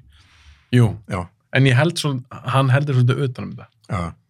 Hvað var aftur, þú áttir eitthvað svona anthology, horror anthology. Masters of Horror. Masters of Horror, já. Það var líka svona, það var ekki, en það var einhver einn, svona, einn, einn svona e- einn, tveir sem voru fínir. sem voru fínir, sko. Man ekkert eftir því, það var, maður ætla, al- maður ætla ekki að horfa á það. aftur. ekki, ekki horfa á það aftur en það er alveg gaman þegar ég leika sem með þetta horrorform í einhverju svona Já, stuttum þáttum eða eitthvað, þetta er svo Cabinet of Curiosities ég var gæðið spenntur já, það var ekki alveg að hitt í markið mér nei. Það, þú veist, samt, þú veist, þetta var pingu, þú veist, eins og vorum að tala um á hann, þú veist, eins og með hana, James Wan og svona updated horror, skilju, þú veist, það var svolítið svona, smá svona updated Já. feelingur í sumu þessu, skilju. Að mér fannst það allavega. já, kannski einhver liti, klárar alla myndnar Uh, Eða þætti. Já, ég kláraði þetta allt. Uh, Kolbrún konu mín var að byrja að horfa á þetta með mér sem nefndi hún ekki. Hérna. Þannig, að- ég hef kærast mín líka svipu, við horfum á þetta og ég hugið þetta var alveg fínt eins og stóriðstótið, það var alveg Já, já. skemmtilegt og svona já, þetta var ágætt, ágættis leið til að drepa tíman Já. en svo var þetta einhvern veginn ekki neitt neitt, þetta var ekkert sérstætt Nei, þetta, fannst vo, mér, þetta voru þetta, þú veist, þetta voru náttúrulega bara stutt, stuttar sögur, skilur, svo þú veist, það er kannski... já það er alveg að gera eitthvað cool stuff maður Já, Ok, það fyrir mig eitthvað svona skemmtilegt. ok, þá gerir það. Þú varst að tala um Devil's Ég Backbone, var að hún tala um komst Devil's í Backbone. áttundasæti. Ég kemst í áttundsæti. Viltu fara í sjöundu bara? Förum í sjöndu. Já, ok. Uh, það er náttúrulega bara, bara, bara Gotham Classic, sko, sem að... Ég, Poltergeist. Já. Gott gís. ok, sorry, já, Poltergeist. Já, þú veist, sem er bara, þú veist, já, ég veit ekki, það er Hún er bara, geðveik. hún er bara ógæslega góð og þú veist, og þó hún sé svona, þú veist, hún er frá 82, þú veist, hún er ekkit gumil, gumil, gumil einhvern veginn, en hún er bara, sen, þú veist, eina sem, eina sem hún líður fyrir eitthvað, eru, eru svona smáadriði eins og með að svona special effectið er bara umlegt náttúrulega, þegar eitthvað hlutir eru að Já. fljúa þannig um Bara og, dated. og bara ógislega deytitt sko. bara, og maður er bara eitthvað oh, Jesus Christ sko. en, en það er bara en, er bara sagan undir og líka eins og þegar hún fucking lendir í vatninu og þarna, og þarna beinagrindunum byrja að poppa upp þarna. Var það ekki lokin? Jú, jú, Já. já, það er bara er, er eitthvað svo aðeinslegt einhvern veginn og það situr ógíslega hausnum á mér að hafa séð það eitthvað svona beinagrundur í einhverju drullu eitthvað þannig og hún eitthvað þarna öskrandi í einhverjum grunni þannig eitthvað. Og ég þarf líka að horfa aftur á hana, langt síðan sá hana. Já. Það sem ég man helst eftir úr þeirri mynd, frutaði með ástun alltaf góð og skemmtileg, Já, var ekki eitthvað svona trúðaðri, trúður undir rúminu, ég minni það. ég manna það ekki Eða, veist, þetta var náttúrulega ekki alveg, þetta var eitthvað svona Já, já, já, dúkka eða eitthvað. Mér fannst það alltaf svona pínu, pínu Já. skerið þegar ég var yngri. já, Og svo satt hún ekki líka um svona sjónvarpið. jú þá var að tala við skilu, Í gegnum sjónvarp. í gegnum sjónvarpið inn í hinna, þú veist, í vítina skilu við það, þú veist og séðan er þetta líka þetta classic trope skilu þetta byggt á einhverjum indjána grafreit Já. eitthvað, þú veist Og var það ekki í þeirri mynd, við fórum alltaf meðil, og segir hún ekki, er ekki Eison Tjúra að riffa á þessari mynd, er að hann segir This house is clear. Jú, Já, Já. eins og þú segir það í sem sagt, myndin sinni, já, það kemur úr poltergeist Mhm. og því að gamla konan segir það í rauninni, hún, já, akkurat já, með glerun hana. já, já. En það er óslega cool líka atrið, þú veist, eins og þegar þarna, uh, þegar þetta þarna, krú þannig kemur inn með allir græðuna sínar og eitthvað svona, þannig að það er svona smá spennaði í því og eitthvað. Já, bara eins og með Insidious Já, já, já, eða eitthvað, algjörlega. Uh, en síðan, þú veist, mér fannst, uh, það er uppbyggingin er samt betri, skilur, en það sem kemur eftir það, eitthvað. er það ekki eiginlega alltaf þannig? Jú, eh, jú, það er, Á, af hverju er það svo algengt með draugamyndi sérstaklega? Þú er kannski ekki samanlega mér það enda oft einhvern veginn eh, já, það það, sé er svo, erfitt að að klára þetta það er svo erfitt að koma með gott payoff, sko. af hverju? Af hverju er erfiðar í þessum myndum? Ég veit ekki, þú veist, eins og að horfur á eins og þarna með Paymon skilur og og eitthvað svona þannig dæmi sem að var bara ógislega næs, gott payoff skilur í, í Hereditary Hereditary Hereditary Hereditary Her- Hereditary Já, akkurat sko, þú veist, það er sem að myndi sem tekst þetta en almennt séð er þetta bara ógislega rétt og það ég held að það er miklu auðvöldara að, að, að skrifa eitthvað meir og meir og meir uppbyngu og eitthvað Já, svona bara þannig. þessi höfðu Já, lokast já, hægt já, að já, opnast og eitthvað. Já, Já, og, og þú veist, þetta er húst, hana, Jón sem dó 1885 eitthvað bla bla bla en séðan, þú veist, er erfiðar að að bara rek- reka nagla, þú veist reka, Þegar það ert líka að sína. Já. Af Því oftast er alltaf þannig í payoffinu, þá þarftu bara að sína svo búin að tísa. Akkurat, Þá er náttúrulega- er þetta aldrei eins skeri. nei En þá er þetta ekki lengur bara svona í myrkrinu eða eitthvað sem við erum að hugsa ímd okkur. Já. Þetta er bara svona Insidious, mér finnst þú náttúrulega, mér finnst þú svona 80% geggjuð Já, sem bara endir. akkurat og séðan er bara, þú veist, Poltergeist verður líka bara að vera á listanum út af að hún, þú veist, inspæraði bara svo mikið, skilur við, og þú veist, það er bara tímumóta mynd Sástu endingurina? Ég nefndi alltaf að sjá hana. Þú Nei. vissir það ekki endingurina. við ég bara, nei Ha? Siggi, en, ha? endur geraði Poltergeist Já, það gerir nýja boltingæst. Vá. Ég held þessi endurgerð frekar en sko ég er búin að skipta út svo miklu í hausnum á mér sko að það er fyrir eitthvað þú veist, rugl, svona, það getur verið bara 2015 kallið minn. yeah, og með Ah. trúðum þannig Já. já, ok Sam Rockwell er inn. what? og hvað fær hún í, er, er, fá okkur- 4,9. já, akkurat Ha, gott. og meðan að upprúnulega fáir 7,3. já. en séðan svo magna með hana það, veist, hún lifir eiginlega sem Spielberg mynd sko þó að hann sé náttúrulega ekki að þú veist það er alveg Spielberg hlutur í henni og ég held að hann hafi haft meiri áhrif á myndina en þú veist Ég sá, ég, það var viðtal við Mick Garris sem er í leiksturi já, og hann var að mynda að tala um þetta. Ég var að horfa á geggja heimildamynd um 80s horror já ok, hvað heitir hún? og pff, In Search of Darkness heitir hún Já, fjóri tímar eða eitthvað það hljómar eitthvað fyrir mig, sko. geðveik, Já, ok. geðveik og það er að vera stiklan svona stóra það er að fara yfir allan nýjönda ártíð í Já. horror, Já. Geð, þetta, er svo, þetta er svo skemmtilegt viðtalið fullt af einhverju liði Mm. og það og það er alltaf að vera að fara yfir þú veist, Night on Elm Street og Hellraiser og Fright Night og Friday the 13th og bara allar þessar 80s Mm. mm. Shining líka Mm -hmm. og það er talað hans um poltergeist og það er viðtalið Mick, Mick Harris og Mick Harris er að segja því það er búið að vera svona myth í gegnum tíðina Já. að Spielberg hafa bara leikstitt poltergeist það er það sem maður svolítið, þú veist, hefur heyrt aftur og aftur. að Toby Hooper hafi raun ekkert leikstittin það hafi Mhm. bara verið Spielberg sem gerði það Já. en Mick Harris vildi meina það hann held, ég held að hann hafi þekkt eða þekkir Toby Hooper, ég man ekki hvort það sé lifandi Ég þekki það ekki. en hann þekkt hann, eða þekki kannski hafa hann reynu hérna Ekki að tala um mannin ef að- hann, hann dó 2017 Ok. hann þekkti Toby Hooper og Mhm. hann sagði að hann leikstýri myndinni Já, já, já. það var ekkert Spielberg Nei. auðvitað er hann framlegandi, Já. hann við puttan í þessu Já, en hann leikstýri ekki myndinni nei. En hann hefur potið komið með, þú veist, einhverjar, á- þú veist, haft áhrif á myndina og komið með eitthvað svona, þú veist, sem maður sér alveg, þú veist, eins og með hann, með krakkan og alls konar svona þannig sem er svolítið svona spilberg einhvern veginn. ég menn hann skrifaði skrítið, sko. sko. Já, og með story by, já, ok, já, Já. já, auðvitað þá. ég heldur myndi að hann er framlegandi og Já. ein, einn á Já, handasöndum en mér finnst einhvern veginn einmitt alltaf bara, þú veist, fólk hugsa bara um þetta sem bara Spielberg mynd. Ég held að, að hann, Toby Hooper er bara örglega bara svolítið verður örglega fútlegur þessu, skilur. ég með þetta er auðvitað bara svipað eins og með Nightmare Before Christmas Já. margir sem halda að hans er Tim Burton mynd það Já. er ekki Tim Burton mynd Nei, það er nefnilega magna. Það er ekkert það langt síðan ég fattaði það líka, sko. Þú veist. ha? þú? Já, ég, skilur við. já, er það í bara alveg? Tim Burton's, þú veist, Night Before, Before Christmas, en síðan var bara, já, ok, þú veist, það er náttúrulega allt annað leikstöri á þessu, skilur allt annar og henni sérleik leikstur sjálfur er alveg ennþá í dag pínu byrraður Já, eðlulega, hann leikstýri myndinni akkurat. Örgulega svipað með Húberi, menn hann ávist, ég ætla var ekki á settinu, ég veit það ekki. Hæ? En Mick Garris talaði um þetta og Já. hann, ég held að hann hafi þekkt Toby Húber. Já. Ok, hvað ára við? Já, Poltergeist, en voru ekki að gera, það voru að gera framhaldsmyndi líka. Jú. Ég, Tvær eða þrjár, ég, sá það aldrei. Ég hef aldrei séð það.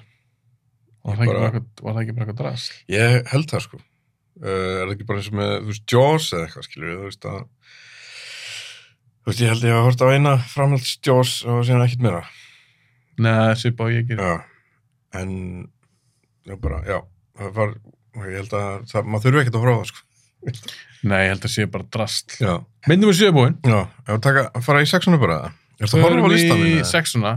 Málega er, þetta er svo smátt letur. Það er ekki fræðilegur, ég geti lesið Já, þetta. það er bara ágætt Ég tel mig að vera með þokkalega sjón Já, en ég er líka bara, ég, get ég lesið þetta? Ég lækja að horfa á listaðin en ég er bara ennþá, ég skil ekki hvað er á þessu listaði, þetta er svo mikið. já, sko, þú veist, þetta er bara rugl, skilur við Já, en hvað, Þetta- en þetta er- vinn, neða hann að hæra mig, Hægra megin, hvað er þetta? þetta er alls konar upplýsingar bara, skilur Já, ok, ok. Herra, höldum að fram. Þetta er ekki, þú veist, hundra myndir hérna, sko. Nei, ég held það, Nei, nei. bara endan sem Já. titla. Ok, Nei, þetta er bara cheat sheet, skilur við. hva, þetta er cheat sheet. Já. Ok, við vonum í Poltergeist, hvað er næst? Herri, nummer 6 er kannski, ég veit, ég veit ekki hvort það verið búin að sjá hana. Uh, hún heitir Housebound og er nýja sjálensk, nýsjálensk, Nýsjálensk, nýsjálensk mynd. Ég veit, ég mann til coverinu, ég hef ekki sé hann. Já, uh, coverið er svona, er svolítið, kannski svona þessi, Ekki svona svona smá brúnt svona fílingur, líka. það er brúnt, það er fjölskylda, þrjár mannskjur og sinni svona eitthvað svona eins og draugur eða eitthvað svona sem er svona fyrir framann eitthvað, Ok, eða fyrir þú, aftan. ég er sannst verið kannski að tjekka á hann, fyrst þú kemur svona ólega Já, og það er, en, Er þetta ekki eitthvað grín? jú, þetta er nefnilega grín.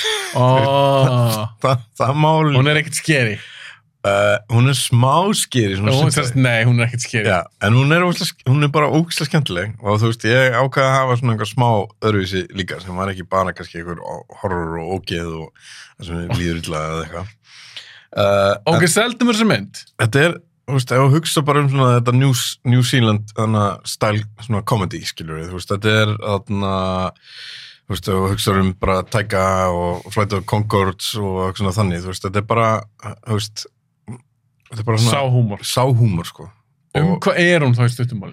hún er um stelpu eða konu sem er, sem er dæmt fyrir þarna uh, einhver þarna brot og hún er sem sagt dæmt í þarna svona hús fá svona engul, svona bracelet Já, hvað er orðið fyrir þetta? Það er að vera dæmtur í er þetta ekki bara house arrest? house arrest já, það er allan að- hann að- enski enska heiti fyrir þetta Já, þaðan kemur auðvitað náttúrulega tillin housebound Já, já. Já. og hún er, er sko þarna ánáttlega ekki, þetta er bara svona manneskja sem er svona kannski á okkar aldri og er Best bara- aldri. já, og er bara búin að, er samt búin að fokka upp bara lífinu skilur, er ekki ánum stað og enga vinnu og bara í ykkur ruglunni og svo hún þú veist, er bara dæmt til að vera heima á fóröldur sinum sem hún meikar ekki skilur, hún meik, og, og fóröldur hennar eru bæði bara svona mjög skrítið lið eða það er held að sé mamminar og sen stjúppappinar eða eitthvað Já. og hún er náttúrulega heima allan daginn þannig, og húsið var eitthvað gamall skóli eða eitthvað, þetta er svona, svona gamaldars hús og sen er nágrann eitthvað fókt upp líka og sen fara eitthvað svona skrítnir hlutir að gerast þú veist, og, og það, það svona virðist vera eins og sé reynd í húsinu uh, en uh, ég var að spóla þessar mynd bara Nei, ekki spólinu. en ekki spólinni, Nei, ég þú ert ekki sé búin að sjá það. hana. Ekki. Ég er nú ekki að spenntum hlusta á þig, Já, bara ekki já, spólinu. ok, það var ekki að spóla svo að þú veist að, Er þess að eitthvað tvist í henni? nei, nei, þú veist að Ok, ekki samt að segja. Nei, ég ætla ekki að segja neitt með þetta Ég er til að tjekka hann, hún kemst hún ofalega. Já, hún Hún kemst hún kemst hún ofarlega. ógist að fyndi. Hún er ógæslega fyndin, hún er ógæslega skemmtileg og þarna uh, það er til dæmis þætti núna sem held ég að sé á Hulu eða eitthvað sem heit eitthvað þarna eitthvað paranormal police eða eitthvað, eitthvað svoleiðis sem, Já, eru- sem, ég eru- ég hef hert um til, Já, ég hef já. ekki séð það. sem eru líka mjög skemmtilegir það er svona, hvort það ég segir svona nei, þeir held að séu Níl Sjálanski líka, frekar nástraskir uh, og þeir eru, þú veist, þetta er Það svona er svona grín. Já, þetta er svona grín, þetta er svona s- s- s- pingu sviparhúmor og að þú veist, það besta reynda kannski af svona húmor sem er til núna er þarna What You Do in the Shadows samt, þú veist Ég var aldrei on board þar. þættirnir eru æðisleir Voru ekki fiskjar mynd? Jú, en Æ. þættirnir eru að fucking æðisleir sko. Er þeir miklu betri en myndir? Já, minnst það, Af því mér varst myndin bara svona, eh. myndir er alltaf lagi en þættirnir, bara sérstaklega kemst inn í það það eru- eru bara, það eru gull sko Af því ég er rosalega flight of the Conchords maður, ég Já. dyrkaði þá. Svo að ég Þetta held er að ekki, þetta er ekki betri en það. Já. Nei ekki. Þú sást Er Flight of the þetta að meina Conchords? Já, er þetta að meina þarna What We What You Do Do in in the the- Shadows Þetta er allt öðruvísi Ó, Já, er ekki Jermaine í? jú, Já. já Svo að, þú veist, þetta er, þetta er, já, þetta er allt öðruvísi sko. Á, ég sérst að gefa þáttunum séns. Ég myndi gera það. En þarf ég eitthvað að vera búin að horfa aftur, ég man ekkert eftir myndin þannig Nei. sé, ég man bara að Nei, nei, mér ástæðið nei, spes. nei, nei, nei, nei. Það er ekki að vera búin að horfa á hann aftur sko. Hvað er margar serið af What We Do in the Shadows? Ég held, hvort þessi komið þrjára fjórar Ok, Já, mælum ég skal tjekka á þessu. Housebound, þú Hásbús setur hana fyrir ofan Conjuring, Siggi. Já. Þú gerir þig grein fyrir því. Ég veit það, en ég sagði líka á hann að listin er mjög flúið á þessum stað, sko. Ég er að stríða Og hún þér líka. er bara svo skemmtileg og hún er svona öðruvísi, skilur við. En skemmtileg, eru þá talum eins og Tremors, ég er að taka eitthvað dæmi Tremors, þú veist hvað mynd það Já, er já, já. Veist hún geðið Skemmtileg. skemmtileg Hvað myndir við, hvernig myndir við tala? Við erum bara múl. Tremors, Já, æðislega mynd já, hún er Menn það er samt fólki drepið, það er eitthvað smá blóð kannski, Já, já. en meira svona bara skemmtilegt Mm -hmm. Er þetta svona þannig Nei. eða er þetta meira svona House of Haunted Hill dót? sem er líka geðið skemmtileg en hún er samt alveg Nei. Er hún arreitið þessi hásbónd?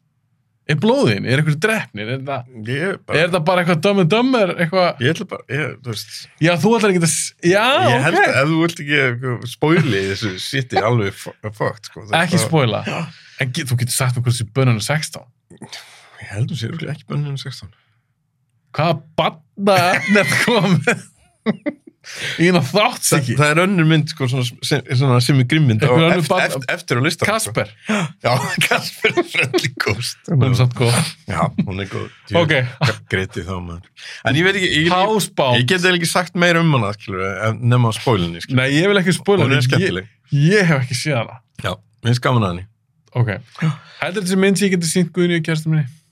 Já, ef hún fílar þarna svona nýja sjálflands svona dæmið, skilur. Hún er ekkit mikið fyrir eitthvað svona komist Já, dótt. þetta er svona kúki, svona skilur, þú veist svona, ú, eitthvað, ú, eitthvað. En er þetta eitthvað svona Cabin of the Woods fyndið dæmi?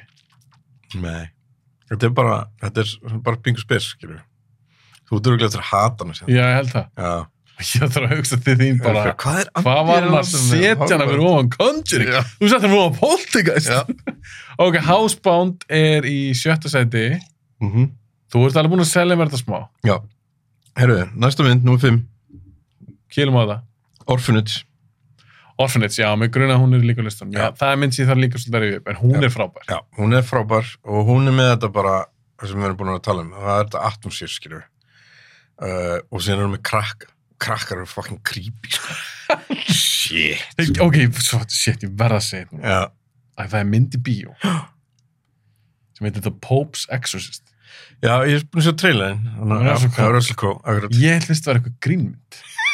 Eitthvað svona spúfmynd. Já. Þetta er það hræðilegu titill. Ég hef ekki séð þessa mynd. Nei.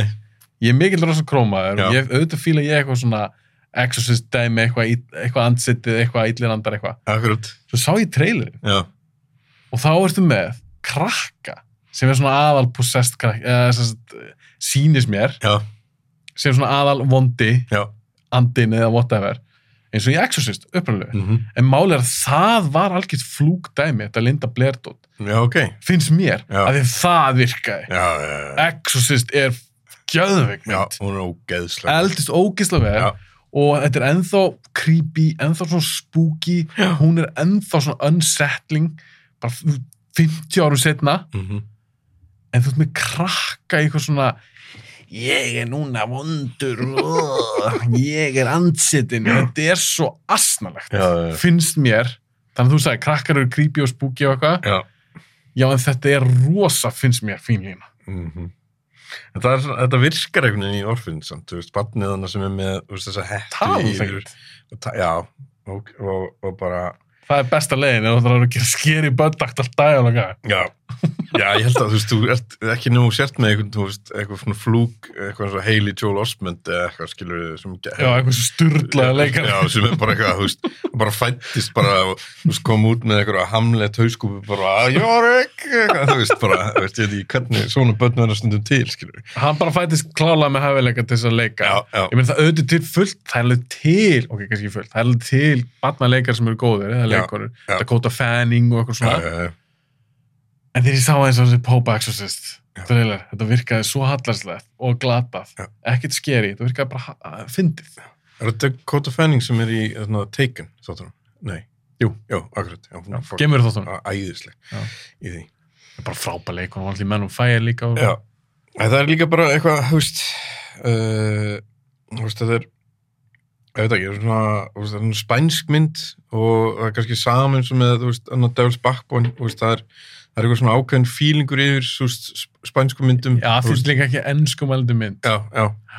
Svo að þarna, uh, og síðan er þetta bara, þú veist, þetta er, þetta er náttúrulega bara saman, þú veist, þetta er, þetta er, þetta er eiginlega, þetta yfirgefna hús sem er einhvern veginn óksla creepy og það er verið að, þú veist, að gera það upp einhvern veginn, þú veist, það er vandarinn að, þú veist, það er engin ljós neins þar og eitthvað, svona, og þetta er eitthvað, eitthvað Konið aldrei ekki. koni aðalutryggi og hún stendur sér alveg frábærlega sem þessi creepy gamla kona sem er alltaf eitthvað böggana með einhverju örglið hana eitthvað, hvernig, langt sinni hún sást Já, hana? svo, þannig. ég sá hann örgulega svona 2-3 ára á sínum tíma. já, já. ég síndi nokkrum hana ég kefti hann DFT en ég hef ekki séð hana í alveg næstu í 20 ára Já, og það stendur ógeðislega mikið í mér þarna, þegar, þegar gamla konar Bílslysið. deyr bílslýsið og þegar maður séð hann hana eftir á með eitthvað hausin eitthvað svona hálf opin og það er ógeðislega flott En það er líka, ef ég maður reyð, það er bara praktikal þetta er make-up já, já, ég held að það sé að pott hérna, sko. Já, þess vegna líka bara er þetta ennþá töf Já, já, maður horfir á þetta bara, eitthvað, guð minn alveg, þú veist, þetta, ég get alveg trúið að einhver sjúkraflendingamenn getur bara verið bara, eitthvað, já, já,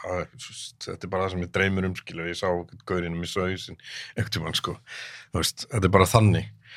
ég, ég verð, mér langar að Ég koma veist inn á- smá hroll, skilur. bara svona- Hugsa um það. Já, mig langar að koma inn á eitt sem ég veist líka mjög áhugavert við hryllismyndir að það í gegnum tíðina þá alltaf hefur Hollywood verið svona, svona gaggrínt mm. sérstaklega Hollywood þetta sé svo karlægu bransi bara fyrir framyndalar og fyrir aftæðir Já. það er svona svona kúli hryllismyndir það hefur verið það finnst mér alveg í ára tví konur eru svo oft í aðalutryggi já, ég meina ef þú pælir í því í hryllismyndum en er það ekki út af því að, þú veist, þær eru, þær eru oft, það er svo auðvelt að, það er svo fín lína á milli, þú veist, hetjunar og fórnarlampsins, skilur, þú veist, En þær eru oft- viðkvæmar og einhvern veginn svona. en þær verða oftast hetjur Já, nefnilega, sko. hvort það er Laurie Strode í Halloween Nancy í Nightmare on Elm Street mér finnst þetta aldrei að vera einhverju aumingjar einhverju, þetta er bara fórnunum A- alls ekki sko, en, en það sem ég er að reyna að segja þú veist, eins og við fyrstu sín, skilur við finnst þér, þú veist, þú horfur kannski á hana og þú veist, þetta er svona við, á, við já, já, já, já, já, en, ég síðan, skil en síðan, þú veist, sýnir hún sig hvað hún er í raun og, og veru þú veist, það er einhvern veginn svo eitthvað svona ark, skilur, sem er svona auðvilt einhvern veginn að- að að segja og, og slá flott að segja líka, skilur þig. frekar ásett með kannski einhver tveggjamyndar kallmann já, já, já. og þú veist, og, og þetta, þetta sýnir á manni líka bara hvað maður er fljótur að dæma bara, þú veist En það sem ég vil, pointum mitt með þessu, Já. það sem ég ætla að segja, er að þessar myndir, mikið af mér, svona, hryll- að gera hryllismynd, ég hugsa þetta sé svona mest svona safe bet fyrir þig. Já.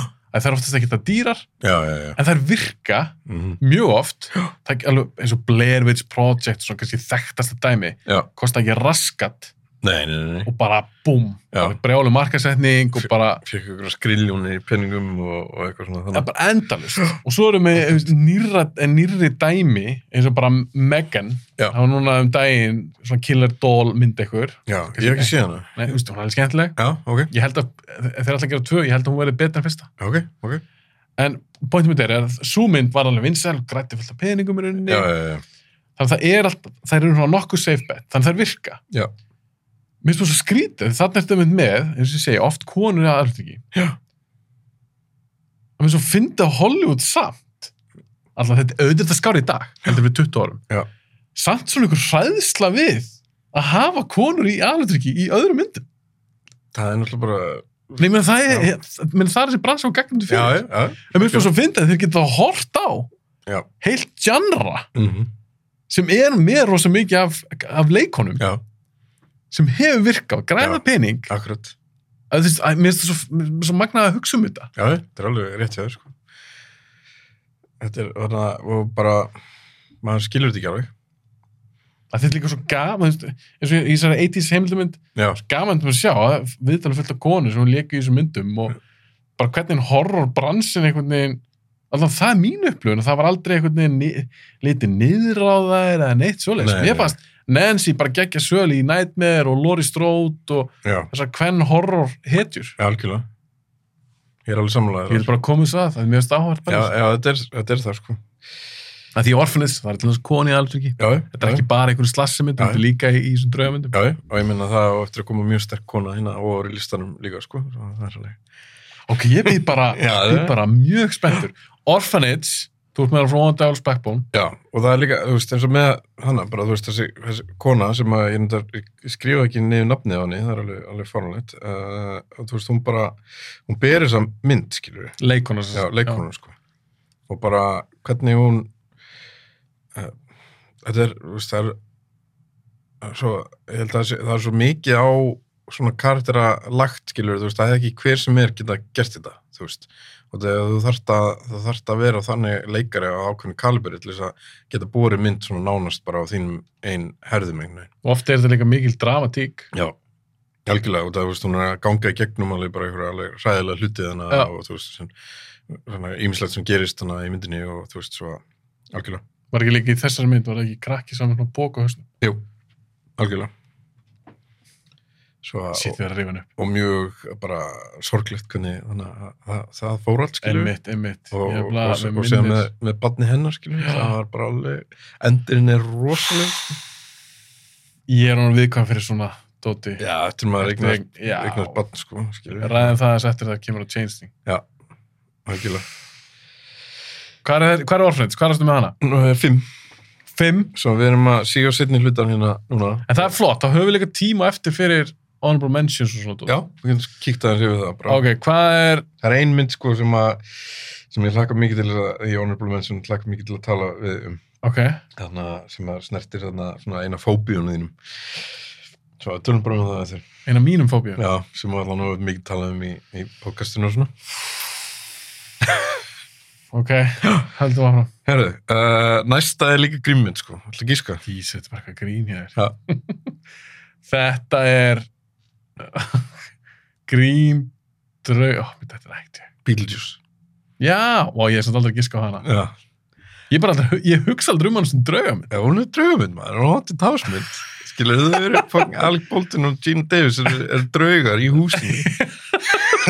Ég gleymi því bara svo oft. Já. Bara því- Af því að Beetlejuice sjálfur, Hann er líka draug. er hann draug? Já, já. Mér myndi alltaf hann að vera svona meira svo djöfull eða eitthvað. Sko, hann er, eh, þú veist, kannski er hann eitthvað öðruvísi entity eða eitthvað, neginn, en þú veist, hann, hann getur allan að farið í, þú veist, drauga heiminn, skilur, sem þau farið í þannig að þessu endurlösu byðstofu þannig eitthvað, þau Það með veit ekki alveg hvað þau að gera. En það er bara, sú mynd, Beetlejuice. já, maður. og hún er, ekki segið þetta eins og, passa þig. Beetlejuice. Hún er æði maður. Já. Þeir eru ekki það tvö. Já, ég sá það núna. Það verður, það verður, Þe- ég þeim- veit Ég meina það er búið að tala um mörg Ja, ár en ég þetta er- held að þetta sé núna na, Ég held þetta sé er ekki sko. ekki góð hugmynd. Hvað er Ke- Michael Keaton að gera? Er Hann, bara, þú veist, hann er að fara að vera Batman aftur og hann er að fara, fara- fara í, verður aftur Beetlejuice. Hefðu, hann- Michael Keaton má gera svona síðust ég elska hann Hann er eitthvað náttúrulega bara guð. Fyrir þannig ég horfði á þarna, ég horfði á þarna myndina þarna, hvað heitir hún, duplicity, nei, multiplicity eða eitthvað. banna drulluðum multiplicity mér þykir svo vænt um Hefur þú þessa horfði á mynd. hana nýlega? já, kannski tvö ár síðan Já, og þú veist, hún, er- hún, uh, hún er skemmt, hún er skemmtleg Hún er skemmtileg, en svona, þú veist, það er alveg Martín sem er alveg, eitthvað, þetta er það pjúra 90s mynd já, algjörlega. það er bara, já, kostur og galla sem fylgir því Steve, En- Steve. hún er mér mjög fannst Keaton skemmtileg Já, hann er líka alveg þannig leikari hann getur, þú veist, leikið mörg hlutverk og svona þannig, og það er alveg skemmtilegt. hann getur líka leikið alls konar Já, en hann er, hann er nefnilega svo ógisla flottur sem, sem Bíldjús, náttúrulega. Uh, en, sen, en Alec Baldwin og Gene Davis eru líka ógisla skemmtileg í þessari mynd. Máli, ég fíla öll þrjú, Já. bara yfir höfuð Já. finnst það skemmtileg leikarar Já. Og já, ég, þú veist, ég, ég dyrka Gene Davis til dæmis, og alveg. En sérðu fyrir, mér er svo gaman að hugsa um að því að lands, kveikmynda landslega breyst svo mikið síðust ár og þetta er orðið svo mikið já, svo kannski ákvæmna myndir sem er komast í bíó og núna er mikið að þessu farið bara á stre- beint á streymisveitur og þú ert kannski með flotta leikstjóra sem bara ég meina, Scorsese er að gera hana mynd fyrir Apple Já, hann er Flowers, nei, jú, Killers of the Flower Flowers- Moon, Killers of the Flower Moon. sem verður reynda sínd í bíó Ok, hún verður sínd í eitthvað ekstími bíó og svo fyrir hún á streymisveituna, skils mér já, ég meina hann gerði náttúrulega fyrir hann gerði ærismenn fyrir Netflix eða með svona heavy duty leikstjóra David Já, já. Fincher, næsta myndin í honum það, það er Netflix mynd já, já, já, já. sérðu fyrir þér mynd eins og Beetlejuice hugsaði bara um pósterin Mm að þetta færi í bíó þetta er bara sínt í Sabjón Eilsöld í svona mynd já, með, af því að á þessum tíma þá voru þau fræði leikarar já, já, já, Keaton og, alltaf Keaton alltaf ekki orðin kannski þetta er fyrir Batman, já, já. þetta er ekki 88 En er, Al- er Alec Baldwin og Gene Davis orðin? alltaf ekki Nei, þú nála veist- þessu voru Nei, Ég meina, Davis, er hún ekki að koma svona ný, ég maður þetta í Flats Já. 25, já. Það er, já. hún það er svona að koma, koma upp Akkurat. sem verður kannski aðeins þar inn á 90s en þess að ég er að tala um, þetta var alveg það var alveg mynd, Já, já, já. þetta var bíómynd sér þetta fyrir þér í dag þú myndir lappin í bíó, myndir sjá svona póster eins og Beetlejuice Ég, hún Veist, er, er er, það? ég held hún myndi standa rosalega mikið út, sko. Já, í Miðað- dag? mi- miðað í dag, já, í dag, þú veist. Að maður myndi alveg, heyrðu, what, the- hvað er þetta, skilur við? en ekki in the 80s maður Nei, það er, þá var þá var verið að gera alls konar rugg, sko. alls Já, konar núna er þetta meiri kannski formúla einhvern veginn, uh, en ég held að þú veist, það sé ekki góð hugmynd að gera Bíldjús 2, sko, ég held að hún var ekki góð Ég- Af hverju ekki? Ég, ég bara, sér þetta eitthvað potential í ég bara Beetlejuice mér finnst 2? Tim, Tim Burton ekkit hafa verið að gera þú veist, en hann er ekki bara búinn Þú veist, hvað er hana, sorry, hvað er síðasta mynd sem Tim Burton gerði?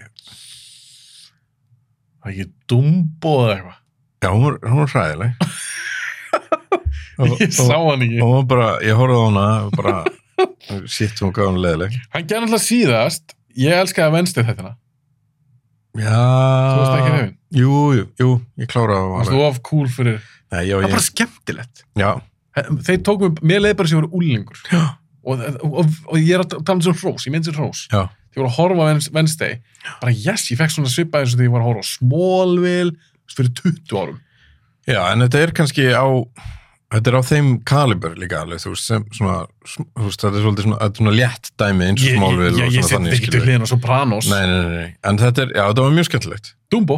já, Dumbo Ég er síðasta að tekka hana, Já. síðast að mynd sem leikstur á Dumbo, mynd. og, og hvað er sinni undan því? Miss Peregrine's Home for Peculiar já, hún var Children. ekki góð heldur Pældi sem því, ég sá hana, Já. ég man ekkert eftir henni. ég, ég man eiginlega ekkert þetta heldur, ég sá hann í flugvél manni, en hún var, hún var ekki þú veist, En það er ekki gott, nei, sérstaklega við erum að tala um gæja eins og Tim Burton, nei, ég veit það að það sé bara auðgleymaleg mynd. mm Svo ekki hana Big Eyes, ég sá hann ekki. ég sá hann ekki heldur Svo varst bara komin í... hvað er síðasta góða mynd sem hann gerir? Úf, það er Sweeney Todd. Hún Já. er góð. en er hún ekki 2000 og Sjö? já, maðurinn hefur ekki gert góða mynd þú veist í hvað er það, 16 ár Já. ég, Beetlejuice 2 er ekki að fara að vera góð sko. Sástu Dark Shadows? og hún var ekki góð Jesus Christ, hún var ræðileg En Burton er samt áhugaverlegst. já, hann, ég elska Burton hann er bara búin að gera, þú veist, það er ekkert ekkert að taka á hann það sem hann hefur gert og þú veist, og þessi, þessi heimur sem hann skapar og útlitið sem hann er þú veist, það er, það er enginn sem að er eitthvað hans þú veist, líki, skiljur, þú veist, það er, þú veist, hann er bara með sitt sitt, sko en hann er bara, já, 2007 sem hann gerði síðustu góða mynd þú veist, þetta, og Þú ert nextlar. Já. Ég held að þetta verði, verði bara eitthvað svipað og þarna helvítis, þarna John Depp og vampýrmyndin hana, eitthvað, þú veist, það var bara, Kom ekki gott. nei. Svo, Þannig að þú ert ekki til í Beetlejuice 2. Nei, Þurfuðu það eitthvað? Var ekki fyrsta bara fín Já. sem standar hún inn? jú, það þarf ekki að endur gera allt, sko. Já, eða gera eitthvað fucking framald Já. 30 ára setna. Og Bíldus 2 er líka þannig að hún stendur alveg fyrir sínu endan dag í dag og þetta er praktikal, þú veist, þarna effekt, þú veist, það er ekkit, ekkit dæmi, skilur, það er brúður. og Það reyndir er- stop motion dot sem er svona Já, kannski. ormur og eitthvað. var það ekki? Jú, já, helvítis ormurinn. Það- Jú, jú, það er frekar hella.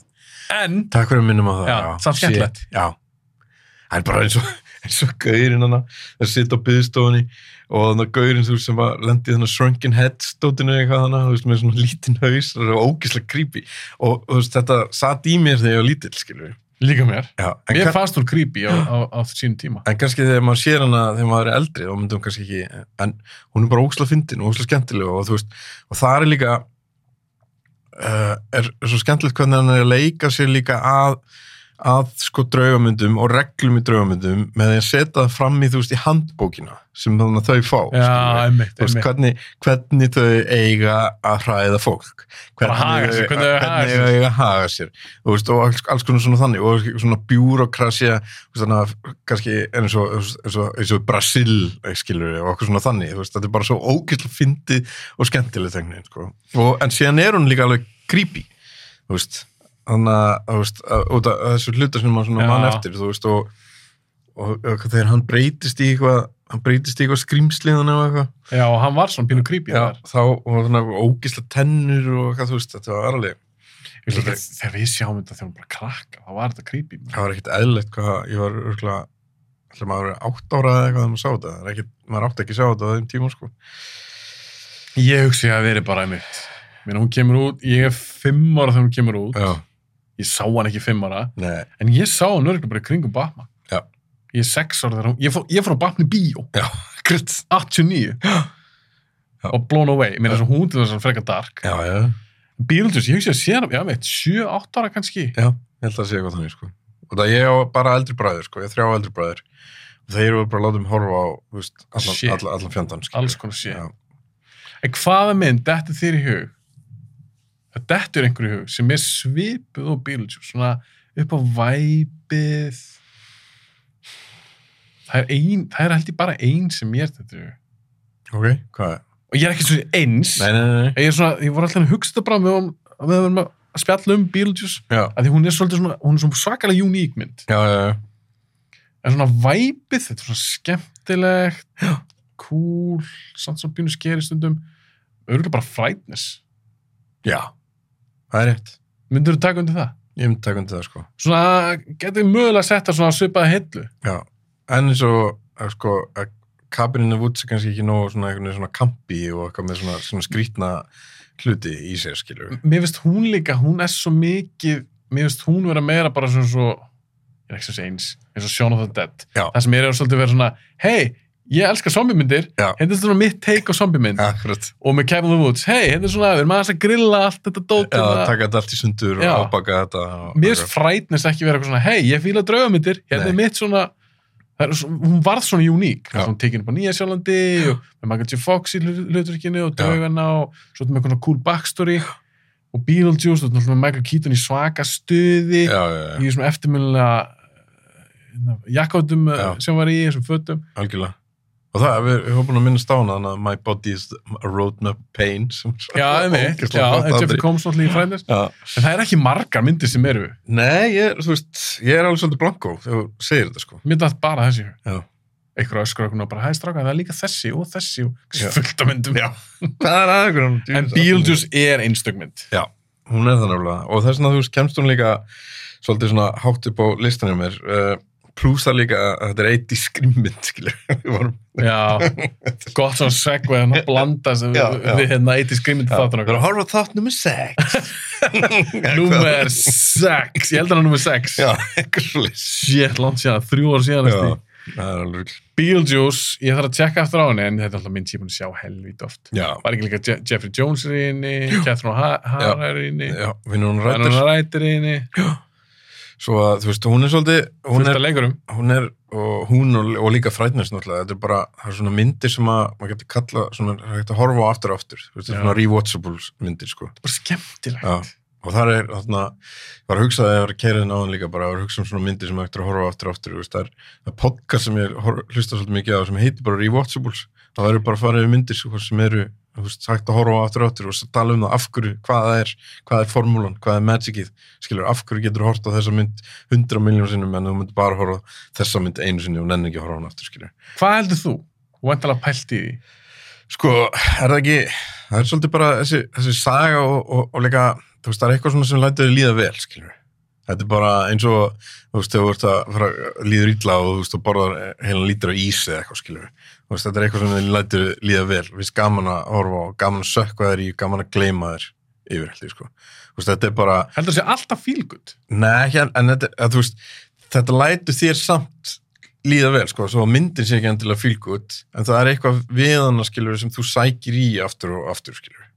Það er svona, já, einhverja tilfinningar sem já, það er bíumynd í ísformi, skilur, bara, þú veist, það er, já, já, bíjament í ísformi Já. en þegar maður horfður mitt ofta á myndir sem á mesta versta, versta tíbunduna myndum sem eru bara svona meh og maður gleymur henni bara um leið að maður slekkur á henni eða labbar út Já. á bíónu eða whatever, skilur. það finnst mér vera tíma svona þá vil ég frekar horfa á mynd sem eins og Black Adam eða eitthvað sem Já. er bara ég var lappa út bara, bara ég get alltaf að kalla þetta kvik Nei, ekkert. bara eitthvað svona algjört drast í staðan fyrir að horfa okkur mynd og svona já, svona, Já, já, já, alltaf leið já, svo bara eins og með hana Miss, Miss Peregrine School for Children eitthvað já.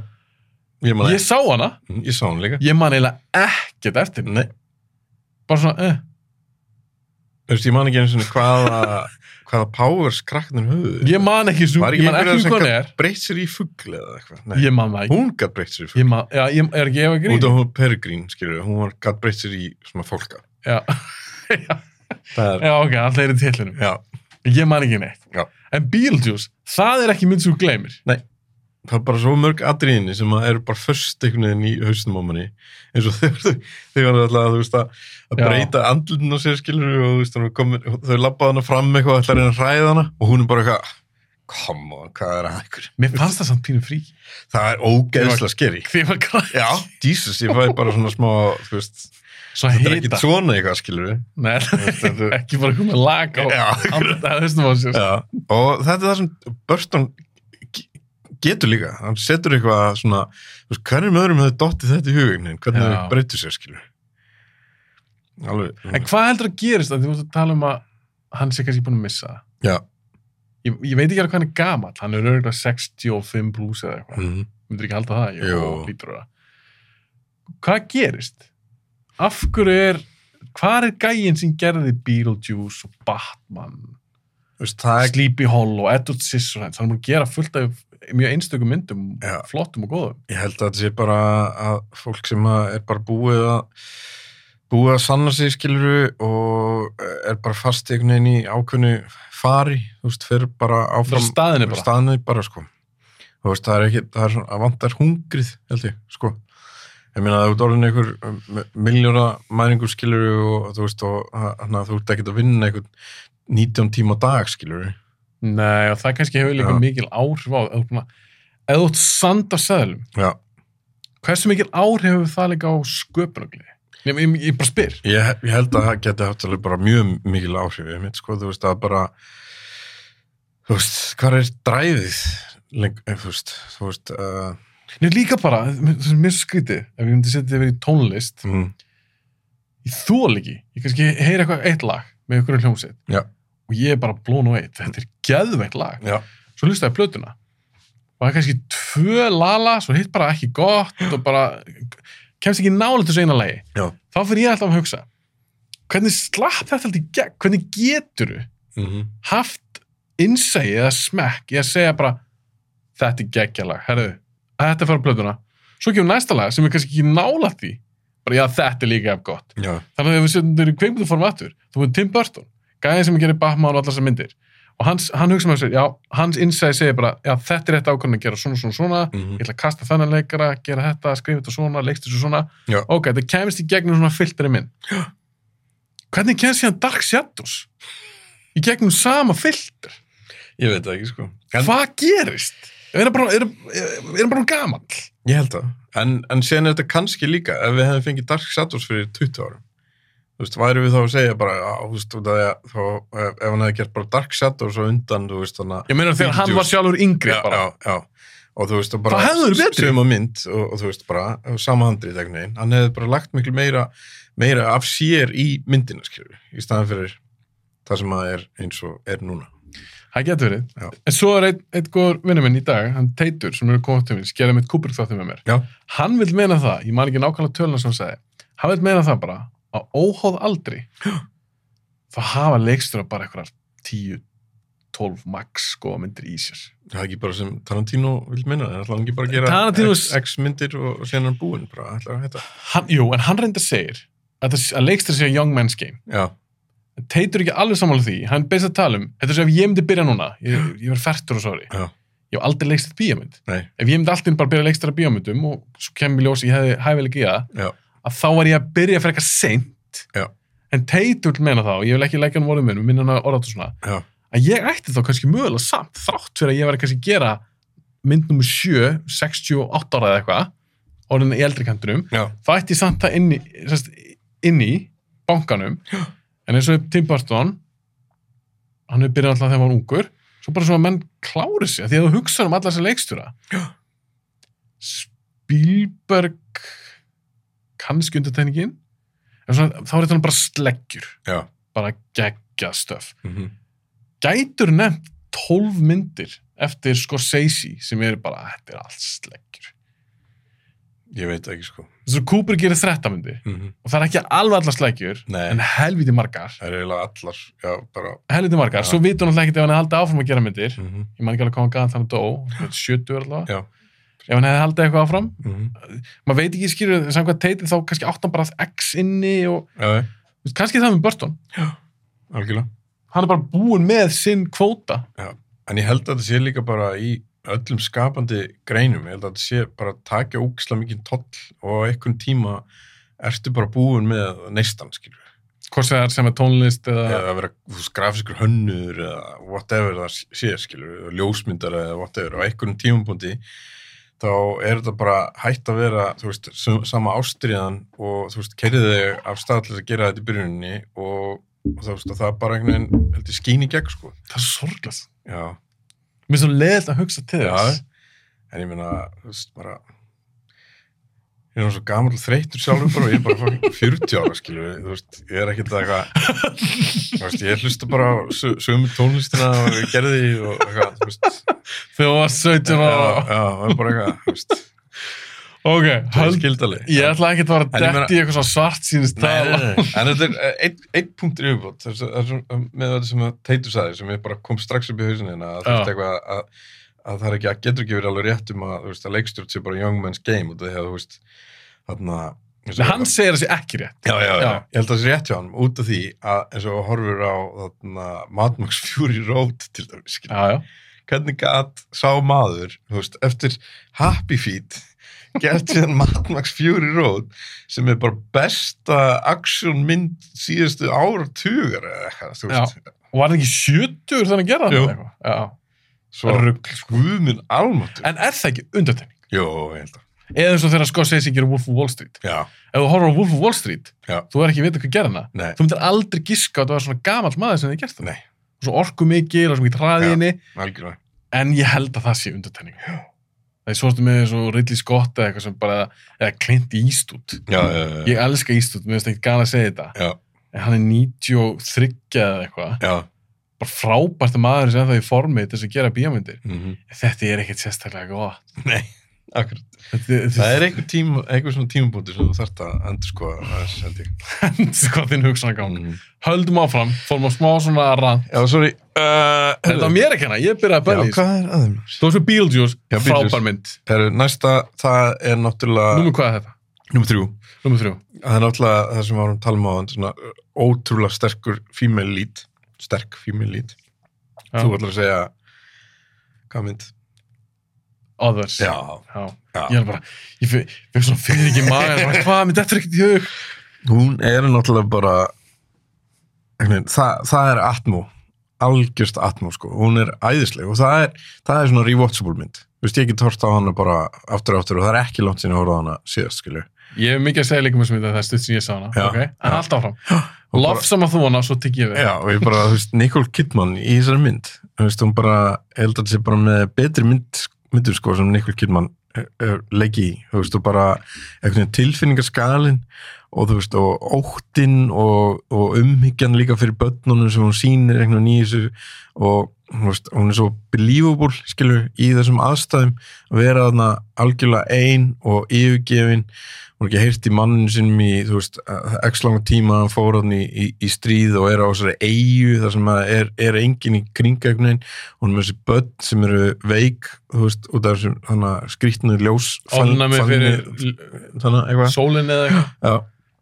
og bara hún einhvern veginn neglir þetta ég bara, þú veist og, og síðan er, er bara svo þú veist, þegar maður fyrir og, og hitt, hittur á tvistið og líka þú veist gamla fólki, þannig að tvö og, og þarna, sérstaklega eldri konan og þarna, þau þrjú þarna eru bara svo ógisla næs og krakkarnir standa sér líka alveg frábálega í þessum mynd, þú veist, það er engin ég veit ég líka um sko þú veist, hvað, hvað ætti að vera veiku punktur eiginlega í þessum mynd, þú veist, ég, Ég horfði á hana. já Ég er ekki að fara lof saman eins og þú. Nei, þegar ég sagði ég tek við, þá var ég að meina svo er ég neikvæði guðurinn já, mér finnst það alls ekki léleg mynd ég man þegar ég sá hana á sín tími, fór hún í bíó hún kemur nú tveimur árum eftir Six Sense og ég man að þetta er líka tvistmynd Mhm. ég man ég hugsaði með mér ah, vá, mér finnst það ekki ég var alltaf að bera hana saman við Six Sense mm. og mér fannst þú bara ekkert sérstök mér fannst það ekki skeri og mér fannst bara ekkert sérstök á þeim tíma, 2001 svo vissi ég að við vorum að fara að gera draugamund þátt og Já. ég vissi um að þú væri hrifin af þessari mynd, ég hugsaði mér að Siggi er örugglega að koma áður, þannig ég ætla að tjekka aftur á henni þannig ég horfði á hann með kæristunni Mm. hún hafði séð hana fyrir löngu síðan myndi lítið eftir henni og ég var að sjá henni fyrsta skipti bara í 20, rúm 20 ár bara síðan hún kom út ég sá henni bara í bíó mm ég nokkuðst það að ég hef aldrei séðan aftur eftir það Nei. þannig ég var mjög spenntur bara vá, það er, það er sömu myndir sem ég hef hort á aftur og fengi bara svo ég hef oft talað að There Will Be Blood með Daniel Day-Lewis Já. bara horfða hana fyrir stuttu, bara blown away Já, masterpiece, Já. en ég var svo drefleðileg 2007, mm -hmm. þannig að það er alveg nokkuð dæmi með þess að ég skipti um skoðun Já. bara maður er eldri, þroskast maður horfður öðru sámyndir, já, já. þannig ég var mjög spenntur á ráðurs Mhm. mér finnst það svolítið boring já, ok mér finnst þetta alveg flott mynd ég skil alveg hvað leikstunum er að gera mm -hmm. Kidman finnst mér æðisliðinni það er til næst leikona sem ég væri til að gera þátt um Já, af því hún er búin að eiga rosalega áhuga að feril mm -hmm. og hún er ennþann dag í dag að taka sjansa sem leikona mér finnst það mjög, mjög aðdánvert en mér finnst, það er eitthvað við þessa mynd sem að hefur séð þess að þætti hana sem hún er að leggja í með hana Hugh Grant Já. Heru, veist, ég er datt út Það- ég fíla þá já, en þú veist, það er alveg sumt svona sem er kannski það var þannig svona plot holes eða eitthvað svona þannig dæmi Já. Eh, svo Bjöggi, samíli vinnur okkar hann rætti mig dagins í síma eftir þetta kom út já, og hann kom ákvæmna punktar sem fór í töðunum Já. ég var ekki ósamála þessum punktum nei ég pældi bara ekki dýða meðan ég var að horfa þannig að þetta rann alveg bara vel í gegn og ég fílaði þau bæði og fannst bara ágætt saga já, já, já, en eins og með hana, hún er alveg að leika í hún leiki í Aquaman já, já. svo leikur hún í The Northman Mm -hmm. Killing of a Sacred Deer hún, veist, hún er að leiki alls konar dóti hún er ekki Já. bara dott inn í ykkur á blockbustera já. eða gleymast ykkur um indimyndum Eða, og bara ekki hana, kassin bara einhvern veginn nei, já, hún er ennþá virðist vera ólíkt til dæmis hennar fyrirhandi manni, já, Tom Cruise þó ég sem mikill Cruise maður, já, þá er hann bara autopilot já, já, Þetta er bara, bara Mission Impossible 9, Mission Impossible 10, Mission Impossible 11 en Top Gun, jú, jú, gerum hana líka Gerum hana líka. Þetta er bara svona autopilot já, já, já. Hvað er gæinn sem leik í Intro to Vampire? Já, já. Hvað er gæinn sem leik í Tropic Thunder? Mm -hmm. Gæinn sem tók ykkur að sjensa Akkurat, eða leik í Magnolia Ég sakna hans, Kidman hins vegar Já. er ennþá að taka já, já, já. fullt af sjensum já mér, hún, ég held að það væri ógislega kúl að gera um þáttum hún. ég, ég, ég hugsa, mér finnst mjög líklegt að það verði ég hef ekki gert þátt um leikonaður Nei, ég hugsa að það verði mögulega fyrsta leikonan Já. sem ég pæli í, af því að hún alltaf frábæð leikona Já. og hún er líka, hún er líka svolítið vaks hjá mér já, já, já, já. mér finnst hún skemmtilegur og betri í dag heldur mér fannst því ég var eins og til dæmis úrleikur Já, ég held að ég sé með þér þar, sko, líka. sem er algjörlega. alveg skemmtilegt En ég veit ekki með, eins og með orð, sko, hún bara, hún bara greip mig. Er hún scary? Ekki. Nei, þú veist, hún er ekki mjög skeri, myndi ég segja. Að, þú veist, jú, það eru, það eru alveg atrið þarna sem að, eins og, eins og þegar, þú veist, hún er að hlaupa á milli herbyggja og, þú veist, og opna með liklinum og eitthvað svona þannig dæmiskilur sem er alveg, þú veist, skeri og svona, og þegar krakkarnir koma á staði að, að, að, að þau séu dáin þessi þannig þrjú skilur þau finna þannig grafritin og eitthvað svona þannig þú veist, það er alveg skeri það er alveg cool, sko. já, það er alveg cool Já, svo að, þú veist, jú, það er alveg, en þú veist, hún er kannski ekki að reyna að vera, þú veist, hún er að reyna að vera meira atmó, finnst mér. Og það er bara, og minnst líka bara húsið og þessi pæling með þess að líkla og eitthvað neginn, þú veist, þetta bara náði mér allan mjög vel. Já, Ég meina, það er líka sem gafið bíómyndir, það er smekkum manni misjaf. Mér finnst hún alls ekki léleg, Nei, mér finnst hún fínt að horfa á hana, en en, mér finnst fínt að þér finnst hún ekki líka. en mér fannst hún svolítið, mér fannst hún köplum langdri. Mér fannst hún rosalega róleg. Hvað Já. er það- hvað er það að spá? Það ég var að pæla hver, Starður hérna hennar listi? já, ég var að pæla hver var að, leikstörinn, öfni, þú veist, þannig að það er náttúrulega að- að- að mennubor. Hvað gerði hann eftir það? Fannst það? Á, ég tjekka það. Já, ég er svona bara að pæla hvað, Ég hann ekki tjekka það því að horfa á hana. Tala þú, segð eitthvað. já, The Others, já, þú setur það fyrir ofan alveg fullt af myndum. Já, hún er, þú veist, það er í- náttúrulega í bara topp þremur, sko. Ég held að Það er ég, rosalega. ég myndi, þú veist, en ég held að ég sé ennþá í topp þremur að ég gæti, þú veist, alveg breytt þriðja. En þú veist, to- topp 1 og 2 eru, eru bara mjög, hátna, set in stone, sko. Eitt og tvö. Það er mun aldrei breytast. Nei, ég held ekki, sko. Ég held að veit hvaða myndir það eru Já, ég ég held að hún viti það alveg, sko. og ég held ég veit líka hvað er nummer eitt. Já, En förum að klára top 10 listan. já en hvað gerði a- a- a- Alejandro Amenibor? Já, shit, ég tjekkaði og saði það ekki. Nei, þú bara eitthvað, þú veist, fólk er að Hann býða eftir. þessu. er, fólk, fólk er að býða þessu. Hann er, náttúrulega handrisundur líka, Já, sem leikstjóri, þá har hann gert eitthvað, eitthvað La Fortuna, eitthvað 6 þætti, eitthvað 2021, Já. Wild at War, Daniel, Regression, Veil, ég hef aldrei hefði um þetta. nei, Hann gerir þetta Sea Inside með Javier Bardem já, já, já. sem er, þú eru örgulega að setja cover Ég sé þetta cover, ég hef ekki sé séð hana þetta. Nei. en hún er 2004, hann Það- hefur kannski ekki að gera neitt svakalega mikið En það er bara eitthvað nafni, eitthvað Amenabar, sem er eitthvað... Alejandro, Já, en hann gerir líka mynd sem að Vanilla Sky var byggð á já þar er það. Já. Já, já, já, þar er, akkurat. Já, já, já. hann gerir unni þá mynd Já, ok, ok. af því að Vanilla Sky er basically endurgerð Já, akkurat. Herru, höldum áfram, Ok, nummer tvö nummer tvö. Það er ekki skæða líka það. það er Changeling, Já, það er tjótt. Shining er alltaf ég- þú veist, Shining er í fyrsta seti Já. ok, Changeling, tökum svona spjallum hana Já, sko, hún kemst í annað sæti, það er drulluhátt já, það er bara...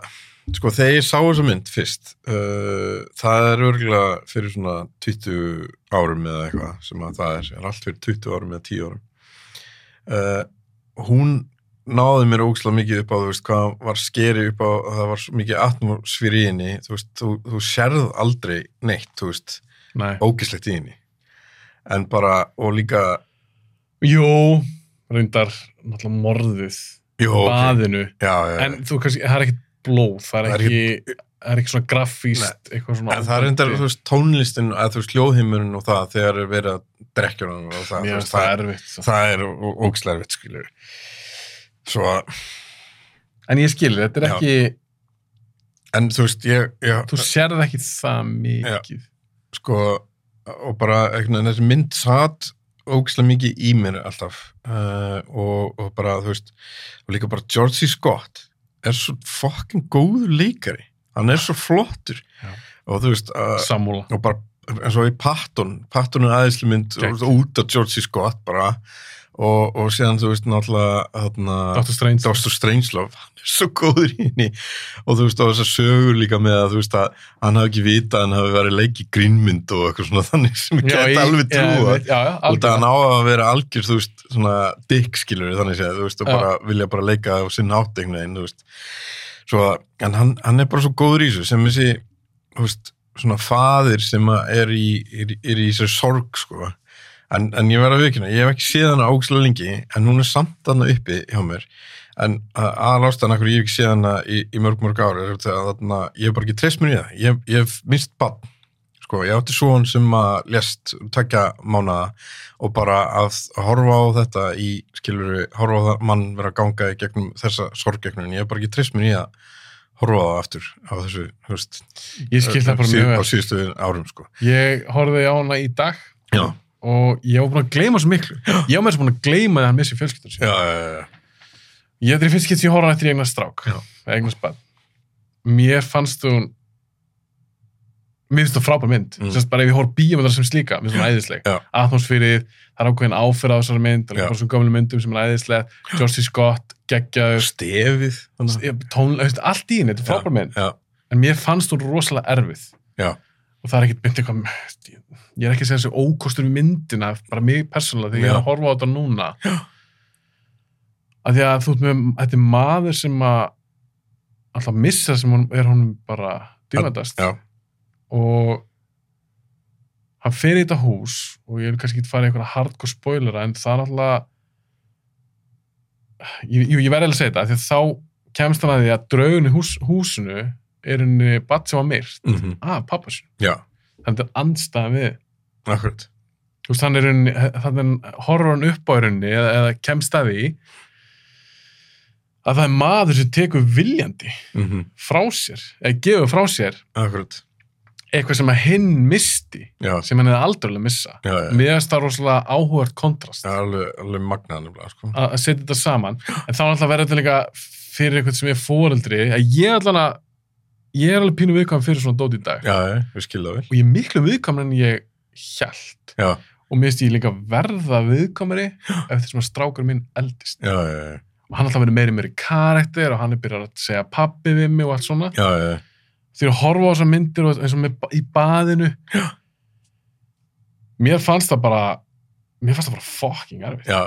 og það er sama einhvern veginn ég er að hugsa þú veist, þetta, ég veit ekki akkur þessu mynd þú veist, þetta, ég, er svo, ég er ungur þegar ég horfa á hana einhvern veginn en samt þú veist bara hún greip mér svo rosalega sko. og þú veist það, ég er búin að tönnast um þess að myndi í þú veist 20 ár Þú, skilurðu. ég horfði hann út af þér. já, já, já, já, akkurat sko. Með þó að taki mig kannski 15 ár að horfa á myndir. Akkurat. Eins og ég vil segja líka núna, því við erum bara smúl að tala um þetta uh, off-camera, já, að því ég lofsamaði Barry Lyndon svo mikið. já, Og Barry Lyndon er uppbóðs kúbrugmyndi mín.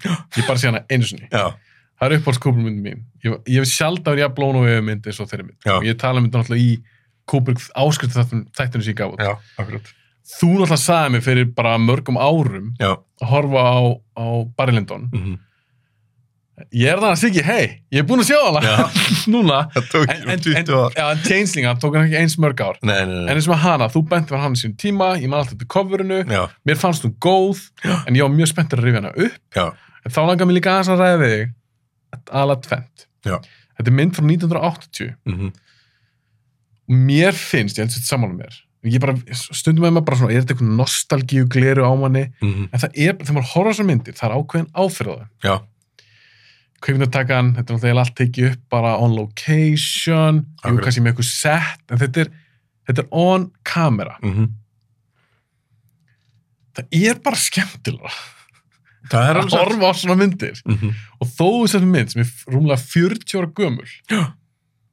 og jú, kannski ef þú tækir eitthvað úling í dag og Já. myndir sína, og þessi úlingur er búin að sjá Conjuring og allt þetta dót, og myndir Mhm. sína þessari mannesku changeling, kannski myndir segja, þetta er bara gamaldags, þetta Já, er já, já. bara asnalegt, eða þetta er ekkert skeri. mm -hmm. en djöfull sakna ég svona mynda já, já, já það sem er bara er, er, það bara, er það nostalgía er, veist, er eitthvað þarna Var- voru þetta ekki eitthvað svona ákveðin gæði og líka sem er leikara ég fór að hugsa það, mér er bara eins og leikarar í gamla daga hafði bara verið áhugaverðari Mhm. áhugaverðari, andlit þú veist, eitthvað, ég veit ekki hvað þetta er sko, vissilegt er þetta er þetta örgulega einhver nostalgía en síðan á móti kemur þarna er að það kemur aldrei neitt í, alveg í staðin fyrir það sem er alvöru, skilur þú veist, og það sem er tekið upp það sem er tekið upp og það sem að er actually, þú veist, að, að nán- nánast þannig að þú getur þú veist bara snert einhvern veginn borðið, þú veist að þetta borð er þarna, var til og e, er, er þú veist, og jafnvel til í einhver- í einhverju húsi bara ennþá eða eitthvað já, þetta er kannski sama sem þú veist, ég, ég starfa í, í, í, í sapna heiminum sko. uh, og það er ekkert sem kemur í, í staðin fyrir skilur að sjá, þú veist, ef við tek bara svona, svona basic dæmi, þú veist, að sjá þú veist, alvöru Mona Lisa eða sjá hana skilur í þarna á, á sko, skjá eða plaggati eða eitthvað svona þannig, út af því að það er ákveðin vikt sem að það, það gefur skilur að, að þú veist að þú veist að, að, þú veist, að listamaðurinn þú veist, málaði actually þetta en þetta er ekki svona eitthvað reproduction að því og kannski er yfirfærist þetta eitthvað yfir í þú veist digital eh, heiminn eða já eitthvað, kvikmyndaheiminn eitthvað, sem, líka. eitthvað sem Eitthvað sem hverfur, já, týnist. já, já, eitthvað svona, þú veist, það er eitthvað svona resonans skilur sem týnist bara í þessu e, þessari endurgerð svona stafrænu endurgerð sko eða þú veist stafrænu na, tækni skilur að þetta verður sem svona of clean já, og þegar, þegar þessi leikstara voru að taka upp á filmu þetta var svona þess meira maus og að Mhm. klippa myndir það var allt öðruvís, í dag er þetta allt einmitt orðið digital og ég nenni ekki verið þessi gaur sem bara, það var allt betri í gamla daga nei, nei. ég er bara virkilega pæli þessu, þarna var ég að horfa á mynd sem ég myndi lítið eftir líku ég að vera að horfa á hana í fyrst skipti Já. það er svo langt síðan ég sé- svo langt síðan síðana Já. mér fannst þetta svo gaman Já. bara að horfa á tónlistin þessi, bara, bara andlitin Mm á leikurunum já, svo fyrir líka að pæla því að í eh, margir þessu gömlu leikurum Ístút og þessi gæjar Já. mikið af þessu fólki hafi gengið í gegnum kannski heimstyraldir já, já, já, já. það er tekið þátt í svoleiðis Já. og það alltaf bara breytir fólki Mhm. í dag ertu með Calvin Klein model já, akkurat skilur þau, það Já. er rosa mikið af svoleið Þú ert með Eitthvað svona bómullar Chris dæmi. Hemsworth já, eða eitthvað, veist, ég er bara að taka hvað dæmi, ég fíla hann alveg já, já, já. ég líki ekki það líka en þú skilur hvað ég er að fara þetta er, já, já, það er svo leikar hafa bara verið einhvern veginn það var eitthvað við þá, Já. eitthvað X-faktor það vantar kannski líka eitthvað aðeins bara upp á þarna uh, eitthvað svona almenna, já, karakter leikara skiljur, þú veist, sem eru líka svona auka leikara skiljur, sem eru eitthvað svona almenleir karakterar, þú veist, það er hvað eru nýjir þannig? já, hvað er Steve Buscemi dagsins í dag, Já. skilurðu? einhver 25 ára, þú veist, Já. ég, ég segi svona það Akkurat. vantar með þessu George C. Scott þessi gaur bara andlit þess Já. það er bara gaman að horfa á hann Já. hann er með svona screen presence já, svona sjarma Sjarma. hann er bara hann úsar á honum ekki, Já, og þú getur ekki og eitthvað svona gravitas já, algjörlega þú getur ekki kent þetta Nei. og þá fyrir maður að spyrja sig þú veist, hvaðan kemur það þá fyrir ég að velta fyrir mér er þetta eitthvað sem að, að því hann er kannski gengið í gegnum ímislegt eða eitthvað, já, Þessi, ég, ég veit það ekki en ég misti takk svo vel eftir þessu þegar ég horfði aftur á gala myndir já er þetta ruglið mér? Nei, ég held að það sé alveg, þú veist, alveg point í þessu, sko, en síðan aftur á móti, þú veist, er alveg ógislega mikið að dóti sem er, þú veist, gott í dag sem er komið, þú veist, það er eins og eins og við vorum bara að tala um áðan eins og þarna uh, með myndirnar eins og eins og James Wan eins og Conjuring, þar sem hann er að byggja á þessu gamla en er einhvern veginn að koma með það í, í nútímann, skilur, þú veist, og hann hefði ekki getað gert það án þess að, þú veist, þessi grunnur hefði verið til Já, já, já, já. uh, og það er kannski, það eru bara færri leikstjórar og færri kvikmyndagerðamenn sem eru að nýta sér það sko ég veit ekki alveg, Nei, en svo getum, við getum alltaf eitt bara restan þættir um að tala um bara Hollywood og Já. þessi Hollywood maskína og hvernig það hefur breyst og svona. Við uh, skulum ekki gera það. nei, Changeling, en hvernig fannst þér? æðis, æðislega mynd, Já, eins og ég segi. og hvernig fannst þannig að, þannig Nei, ég horfði einn á hana. þú horfður eitt núna, já Hérna, hitti þannig á að hún var að vinna, hún er vaktavinnu, Já, já, já, já. þannig að ég gæti annarkvort slefti að horfa á hana, Mhm. horfði á hana eftir við tókum þóttur okkar. Já, já, já. Það hitti þannig á að ég ákvað bara að horfa einn á hana. Já, já, ég er glæður að þú skildir hann að horfa á hana þannig að uh, það er þannig ágætt að annar okkar var búin að horfa á hana Mér langaði reyfinu, Já. líka því að Óli Bjarki, sjátt út á hann, ef hann er hlustan þátt, hann er mikill horrorgæði, Mm. hann er mitt nefndi þessa mynd í 80s þættin okkur, gerir svona 80s horror þátt. Já, ok, já, Hann elskar, hann fílaði hana hann líka. elskar The Changeling, og elskar George C. Scott og Já. eitthvað. svona.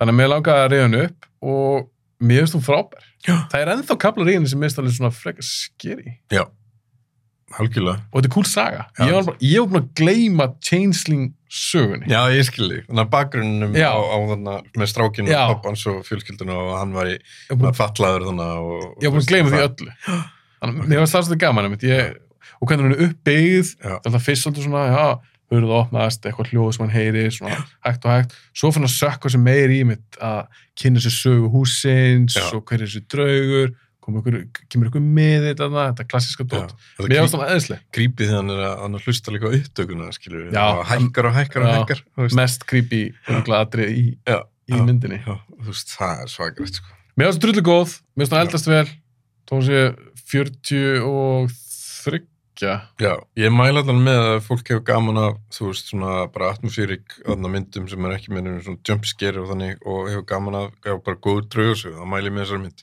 100% Já, og þú veist, hún lítur það til á iTunes og eitthvað, náðu þú ekki Já. inn á bara iTunes eða hvað, Ég veið að það fekk hann að ég lána ekki svona, Ó, ekki sér Mér til varnar, ég átt hann á DFT Ég já, já, er búin eitthvað sem að greiða já, fyrir já, já, akkurat. Herðu, förum í nummer eitt og það er mynd frá sama ári Já, það er Shining.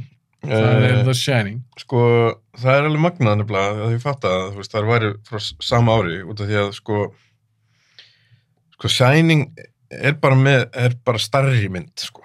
Þú veist, hún er með betri og, hún er betri og með meiri vikt hún er með náttúrulega þú veist, okay, sko, og Jack Nicholson bara, þú veist, George Scott er fann geðvöku leikari að Jack Nicholson in his prime það, get, það er eiginlega bara enginn sem einhvern veginn snertir hann sko. Svona þarftu líka með Stanley fucking Kubrick ég veit það Þú veist, það er bara með, með þú veist, eitt besta leikara ever og eitt besta leikstjóra ever og, og þú veist, og síðan þú veist, Sheldy Wall, þú veist, þarna er bara ógislega góð í þessu, þó þú veist, það er margi sem náttúrulega fíla hann ekki og þú veist, fekk hann ekki tilnum til einhverja rassi veluna og eitthvað fyrir, þú veist, leik, leikin sinni hann í brunni, en hún bara, Ég get ekki hugsað mér hana Ég get ekki hugsað mér Shining á hennar nei það er bara þannig. algjörlega, og þú veist, bara þú veist, strak, atrið sem kemur strax á bjöðan eins og þegar þú veist, hún er að, hann að bakka frá honum með nýfin og svo býða hann um að hætta skilur og veist, og hann hann er með þetta svona djöfulega glott á Já. sér sko, þetta er bara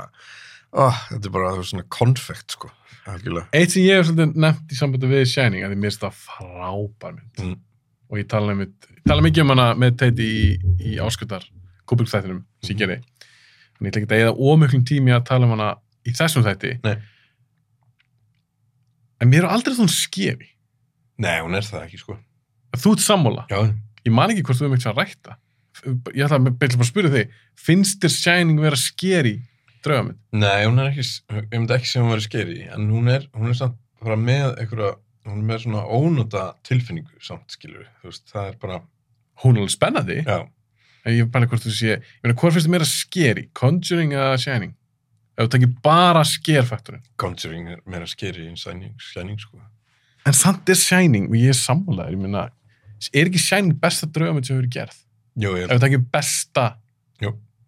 En þarna ertu líka með allt, þú veist, þú ert með þessa sögu sem þetta, sem þetta byggir á einhvern veginn, þú ert með þarna annan karakter sem er að fara í gegnum þessa breytingu, sko, þú veist, það, þú veist, það er sem að eins og þú hefur verið að tala um í podcastinu, þú veist, að þú ert með karakter, þú veist, hann byrjar hérna á punkt- punkti A, hann er ekki eins í gegnum allt, skilur, þú veist, það er, það er eitthvað sem kemur fyrir hann, það er eitthvað hæðir og læðir og eitthvað svona þannig og, og síðan, síðan er líka svo skemmtilegt við hann að, að þú veist, að þú þér er illa við hann á, og þú veist, þér er illa en vel þú veist, þú vorkir honum en samt veistu, þú veist, að hann, hann gerði eitthvað af sér, skilur, þú ert að horfa á myndinu í byrjun þú veist, hann, Já. hann, hann mitti són sinn, skilur já, hann er búin að vera einhverjum fucking alkoholisti og, og fokk upp bara karriér og lífinu og eitthvað svona þannig en þú, þú heldur samt einhvern veginn með honum þannig að upp á þessum punkti skilur við og þú veist og, og, og, og það er bara eitthvað svona sorg í þessu öllu saman skilur við. og sérstaklega eins og fyrir greið Danny skilur við, þú veist rad, rad, já, já rad, rad.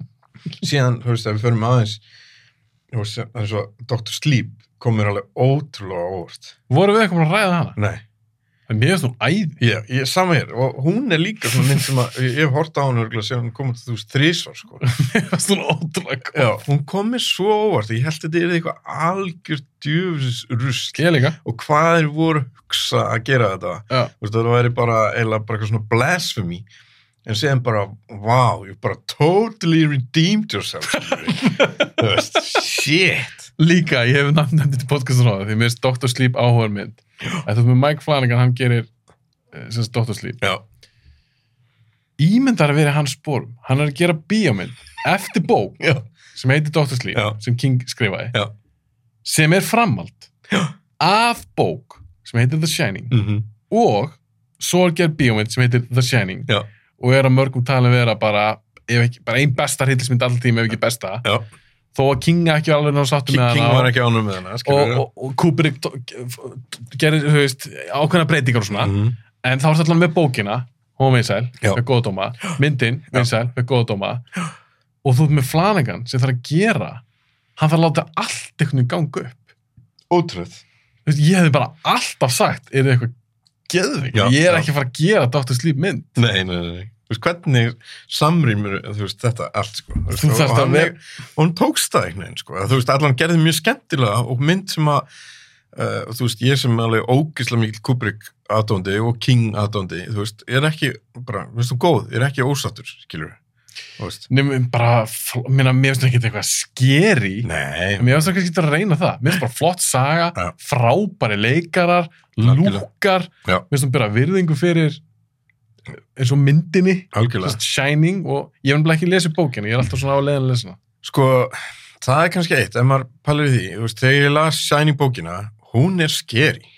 Þú veist, mér, það er Já, bókin sjálf. Já, já, það er eitt af fáum skiptum sem ég hef verið actually, að lesa bók og verið pinguð, þú veist, hrættur. Og það er atmosfínu í henni og, og þú veist bara, ég ætla að segja atmosfínu aftur, aftur, aftur. Andrúsland. Andrúmsloftið, Við hefum ekki sletta svona Nei, það er rétt. tjóka. andrúmsloftið er svo mikið og í- eða svo, svo þrúandi í henni að þú veist, á tímabilið, þú veist, þurfti ég bara að leggja hana frá mér út að ég var hann svolítið bara, bara pingur hrættur, sko. Já, hún, ná, hún er það vel Hún er skrifað. það vel skrifuð. Uh, og kannski náði Kubrick ekki því í myndinni, en hann náði að gera ógeðslega góða mynd, en hann gerði ekki skeri mynd. En bókin er skeri. Þú veist, og það var gaman, ef við lest hann eitthvað, það var gaman að... Ég ætla að lesa já hana. Já, já, þá ef við getum tala hans um þetta, sko. Af því Ég sá síðan líka, hann ger alltaf sjálfur sjónvarsmynd. Já.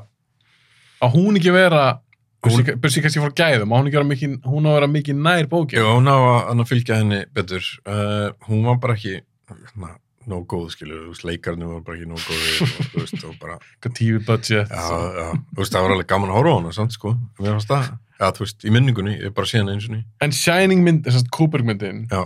hún hefur svolítið verið gaggrind fyrir það. Ég ætla að sjá hvort þú ert sammólusu. mm. Að þú ert með Jack Torrance í myndinni. Já. Sumir hafa sagt það, og þetta er frá fólki sem er lesið bókina, því ég hef náttúrulega ekki lesið hana. Mm. Í bókinni, þá er hann vist bara rosa venjulegu gaur sem verður bara crazy í lokin. Já. Sumir hafa gaggrind Kubrick myndina fyrir það að Nicholson er basically bara svo psycho næstu allan tíman. Ég skil hvað fólk er að tala um já, hann er rosa mikið off bara eða frá fyrsta ramma bara þau eru að keira að það já, já, já, já, hann virka bara eins og sé psycho já, já, já, sammála því já, það er alveg, alveg til einhver, einhver E- er, er, hann í bók, er hann í bókinu venjulega gæi meira Ég geti ekki alveg sagt það, það eru langt sinni ah. lasina, svo ég manna það ekki alveg, sko, ég ætla að hafa þetta í huga þegar ég les bókinu já, já, hvort ég ætla að s- spotta það Spotta betur þetta. að hann sé svona venjulega Já. gæi frekar já, en ég verði að vikina, ég bara veit, manna það ekki alveg, sko.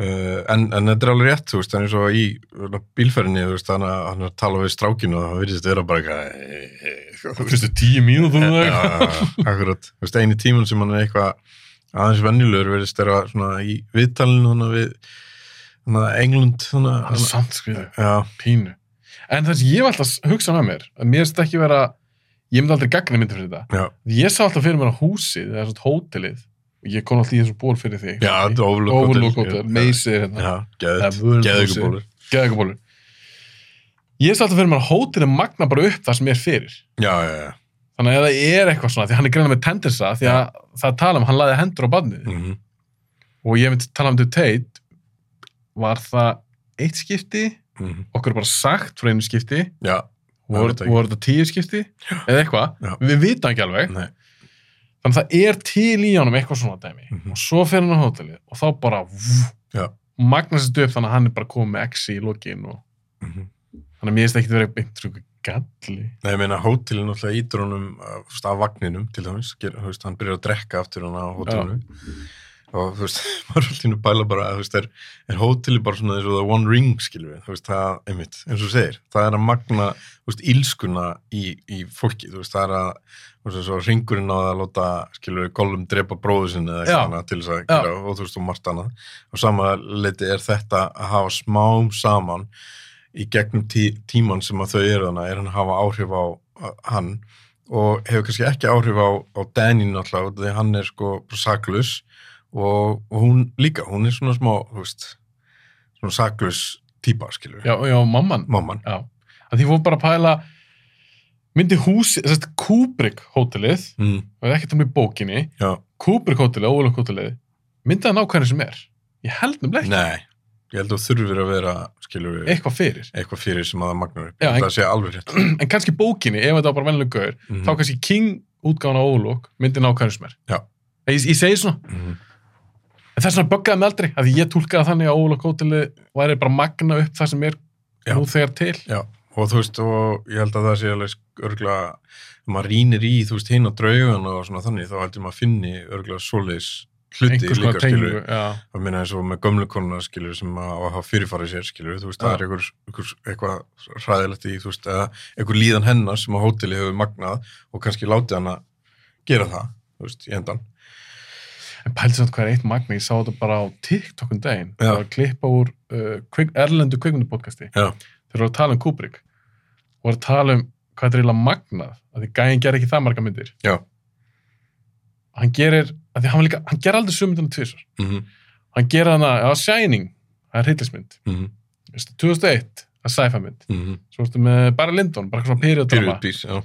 búningadrama eitthvað Mm en það er þetta að fara rauk fyrir því að þetta séu bestu myndirnar Shining sé besta hryllingsmynd sem hefur verið gerð og 2001 sé besta sci-fi mynd sem hefur verið gerð og bara reyndur sé besta byrjadmynd sem hefur verið gerð það er þetta að fara rauk fyrir því mhm. Já, og örgulega meira eins og klokk og góðan sem tölum að það er svona dystopian mynd einhver Já. mögulega besta þannig hversu sturdlað það þegar gæinn af því að hann var ekki einhver svona sci-fi sérfræðingur Nei, nei, nei. eða horror sérfræðingur Nei.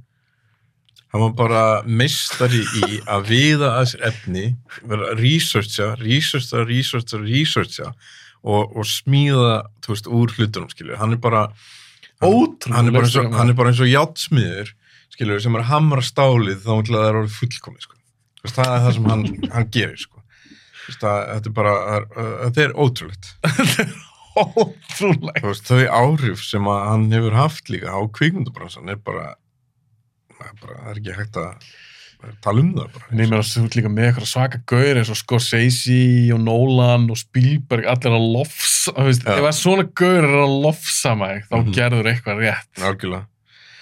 Herru, ef við að fara að halda áfram sig ekki, þetta klukkan er orðið svolítið margt Herri, já, það er alveg ein mynd sko, sem ég langaði aðeins að, að, að tala um sko, sem að ég Ok, sagði þetta er topp tílistin, já, þetta var hann er topp tíu, búinn hann er búinn Shining er nummer eitt Sæl Ok, númer eitt. hvað er með það? Nú Sko- getur við haft bara frjálslegt spjall í lókin Já, ég ætlaði bara, það er þarna uh, sem, sem kemur aðeins hún kemur aðeins inn á fóbu hjá þér með, sko, með svona vatn, svona open water dæmi. Ég Það er svona nýleg draugmynd sem að, haunted house mynd sem heitir The Deep House er búinn að sjá hana Ertu búin að sjá hana? Já. Hvernig fannst þér að horfa á hana þegar, með þetta, þú veist, einhvern veginn?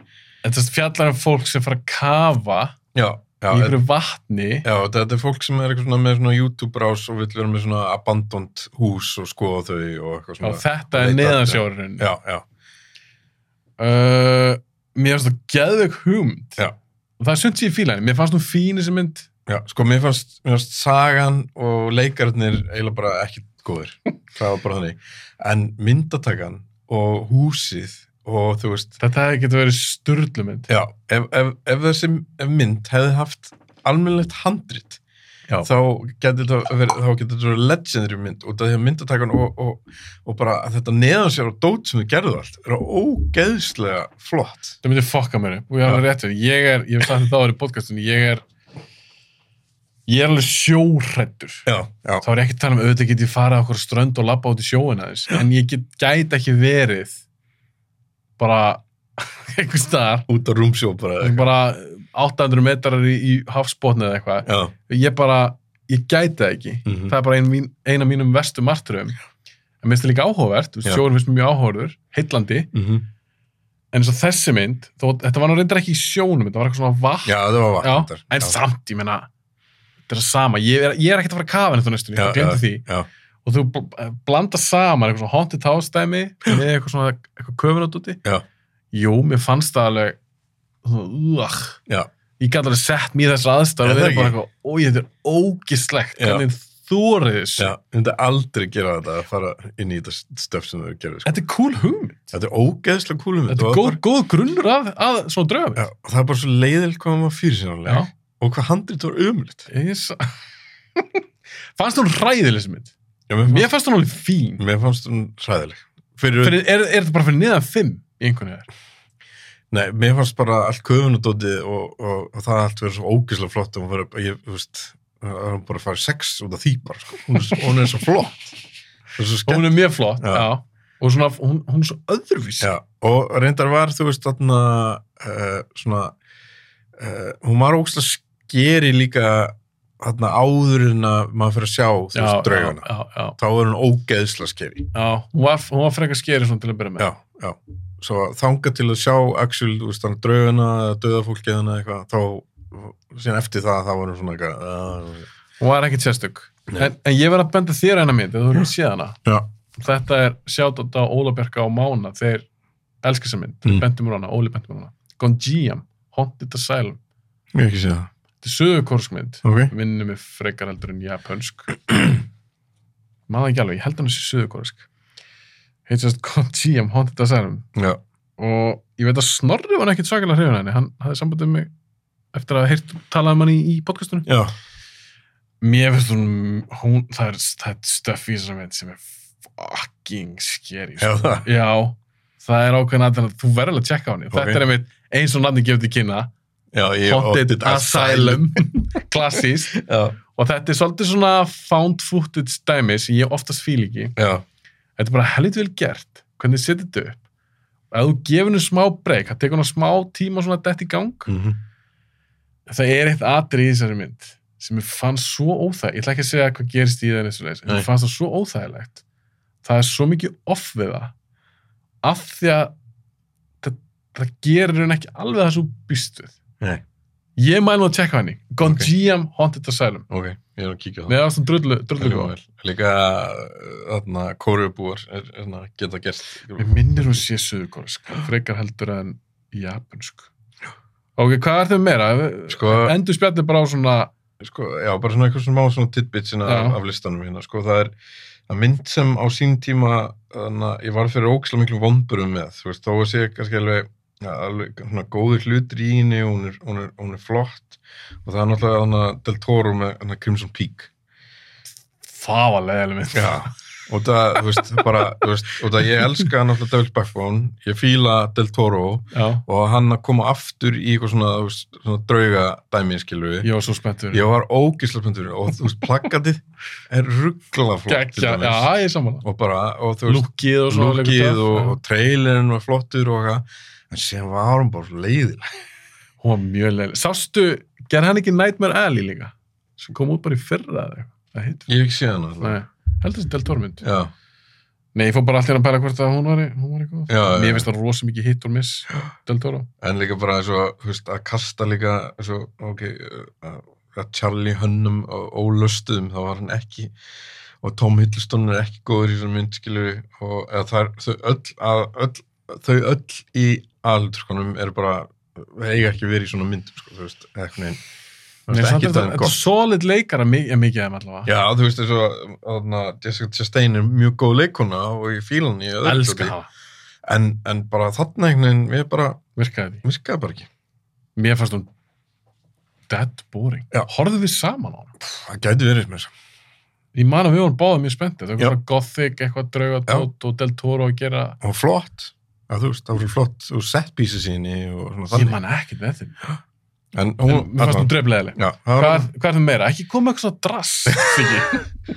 sama með eila Woman in Black þó að þarna Daniel Radcliffe var hann var, hann var miklu skárri þú veist, og ég nefnilega Woman in Black er þannig að þetta var uppalega held ég útastleikrit og sen leikrit sem ég hef séð í London og ef fólk ætlar að fara, er ekkert um að fara til London og langar að fara á leikrit þá er Woman in Black leikritið klikkað sko. Og er það skeri? já, Já, skeri leikrið, ég var að finna að tjekka á því ég mæli með þessu sko. hvað gera svona skeri? Það er bara uppsetningin og tónlistin og bara sagan og þú veist, það, er, það gerist, þú veist, það er eiginlega, breytist eiginlega ekkert þarna bara leiksviðið einhvern veginn, Já. bara ógislega flott allan tíman og það bara, það er búið að vera að sína þetta síðan 60 og eitthvað, bara sam, sama leikriti, aftur, og aftur, og aftur, og aftur, og aftur. Vá, ég væri til í þetta maður. Já, mæli með þessu. Já, myndin var, ég er sammála, myndin var ekki alveg nógu góð. Nei, en nú, þú veist, En ámar gefið annan séns. Ég sá hann bara einu sinni. kannski nefnilega þú veist að, þú veist, hún var flott allan, ég man það en, já, geta alveg verið nefnilega Mm, kannski. já, ég ætla að hún er svona alveg á, á, á kannski listanum uh, síðan er ég bara með The Haunting, þú veist, upprunalegu myndina og þarna með Vincent Price og The Haunting, þarna endurgerina þú veist, það var svona bara Mm. Með Níson. já, sem að, þú veist, uppálega myndin er alveg skemmtileg, sko, þú veist að Vincent Price sínu og svona þannig en hinn, þú veist, En Níson myndin var ekki góð. Nei, en þetta er svona bara, ég er alveg sammálað þar en ég er bara svona þú veist, þetta er svona myndi sem að langa bara svona að telja upp hans Já, ég skilur. sem voru hérna uh, hvað er ég með mér hérna, við erum búin að fara í þetta Þetta með eitthvað gott stöf. sko, síðan sá ég eina nýja mynd núna, á Netflix sem að bara kom mér ágætlega á óvart hún reyndar ekki að fá góðdóma þannig að We Have a Ghost We have a... Ég þekki Já. það ekki. hún uh, leikur í henni hann hann David Harbour til dæmis Já, býtu þetta er grín, það ekki. Já, jú, þetta er svona meira grín sko. En hún bara kom mér bara ágætlega óvart. Hann var þetta ekki, hann er ekkit vola skemmtilegur í henni, hann hann að Já, Anthony Mackie. hendur hann ekki, mér finnst hann ekkit skemmtilegur í henni. Einmitt. Og, og svona, en uh, hún bara kom á óvart, það var bara svona fínasta skemmtun. Þú veist, bara svona skemmtileg mynd. Ná, ok, ég er alveg til í að Og þetta er það- skemmtilegt. Og þetta er bara, þú veist, þetta er svona Netflix og bara einfalt egnin og ég hló alveg uppátt nokkur sinnum og, og svona þannig sko, svo að Ok, og þetta, ég er- þetta er náttúrulega haunted house mynd En aðeins bróta smá reglunar með það, þú veist, hvernig það er en, uh, og hefðum átt að hafa aðeins meira af ákveðnum svona smá, af svona smá gór atrið í henni, en hefðum átt að hafa meira af því, finnst mér En þetta er meira grín. Ég Svo hefði viljað létt sjá- meti. Já, algjörlega uh, Er, ho- er hann að Event Horizon, er það Haunted House mynd? Nei, það var gameskip En síðan var ég með eins og Tale of Two Sisters sem er heldur Kóres Hún er kóra, sko. Já, hún er heldur fín Ég þarf að sjá hann aftur að því. Já. Það var sumt í henni sem fokkaði mér. upp. mm svo að þú veist, að, þú veist það voru alveg nokkar svona, svona sem að eru þarna á geta svona asiskar sem eru, eru þarna á listanum uh, En ég- svo ring er ekki eins og þú talaði um Nei. það er, náttúrulega- það er alltaf ekki Haunted House mynd nei, það er þarna það er haunted videospóla Haunted Vídeospóla Hvað er þau meira? Ertu, er þetta eiginlega búið nema uh, þegar við tölum um þættin á þannig það voru þarna eitt sem að ég talaði ekki um sem er líka grín og það er aðeins að blanda þannig að það er breski þætti sem þetta Ghosts þekki það ekki Uh, hún leikur í þessu þarna, það er ung leikona sem heitir Charlotte, hana, Charlotte Ritchie uh, leik í svona, breskum þáttu sem heitir Fresh Meat sem eru svona gríntættir um þannig bara svona skólakrakka í Breitlandi Ég veit ekki hver það er er, er ekkert mjög stóris uh, þættinir þannig séð hún leikur, leikur líka í uppáðstáttunum minna kolbunar minna sem heitir eitthvað Call the Midwife nei, jú, Call the Midwife Þekki það ekki nei uh, Er það eitthvað núna bara að skrapa botnin? ég er, er og, en, Ég er að tjóka heyrðu, hvað er þetta? Hvað, er það að googla það Ég núna? er að langa að sína hvað, hvernig hún lítur út kannski mannst eftir henni og sér það hana skemmtileg ung leikuna Glæsileg kona já, Charlotte Ritchie, ég þekki það já, ekki minnst þú skemmtileg leikuna allána, þetta er, þetta er um þarna, st- konu og, og mann sem að erfa eitthvað svona gamalt brest óðalssetur Já, uh, og síðan kemur, kemur eitthvað fyrir hana og hún byrjar að sjá draugana sem eru búin að búa í þessu óðalsetri alveg frá bara steinöld á þessu svæði og upp og þetta er bara gríntættir og þetta er eins og svona breski þættir sem eru bara alltaf með kannski sex þættir, sjö þættir eitthvað já, svo maður tjörnar í gegnum þetta þetta er svona gott, gott að að hlæja að þessu, skemmtilegt og þarna, það var gerð þarna, bandarísk endurgerð af þessu sem ég er reyndar ekki búin að sjá en þú veist, þetta er alveg að því kalibri að það var einhvern sem datt ég að gera þú veist, endurgerð af þessu ég er að tjekka á þessu NDB 8.3 Mér finnst þetta náttúrulega ógæslega skemmtilegir þarna, þættir og ég mæli með þeim það er alveg það er sumt af þessu sem er alveg ógæslega fyndið Þetta er hljóðból skemmtileg Út af að draugarnir eru sko frá, alveg, þú veist þess að segja, það er eitt sem er frá steinul bara og eitt síðan sem að dói ekkert um að ný, já bara dói Já. 1900 1980 eða eitthvað og, og síðan eru allir þessi karakter að interakta líka skilur, frá mismundi skilur tímum og Já, þú veist það er mismundi uh, viðhorf og alls konar svona þannig sem þeir hafa og það er ótrúlega svona skemmtileg blanda líka sko. það er alveg mjög skemmtilegt. Já. Ætlum við að enda á því, Siggi? Ég held það bara, að, þú veist ég er allan að Ghosts. Já, Ghosts, mælum með því, skemmtileg dót Ef þú mútið velja eina mynd á top 10 listanínum mm. sem eitthvað sem aldrei sé neina af þessum myndum. Mm. Myndur bara alltaf velja fyrstu, bara Shining, checka það Shining. Bara ég, Siggi, ég hef ekkert hort á svona draugamyndir. Haunted House, hvað er það? Hvað myndaði að checka?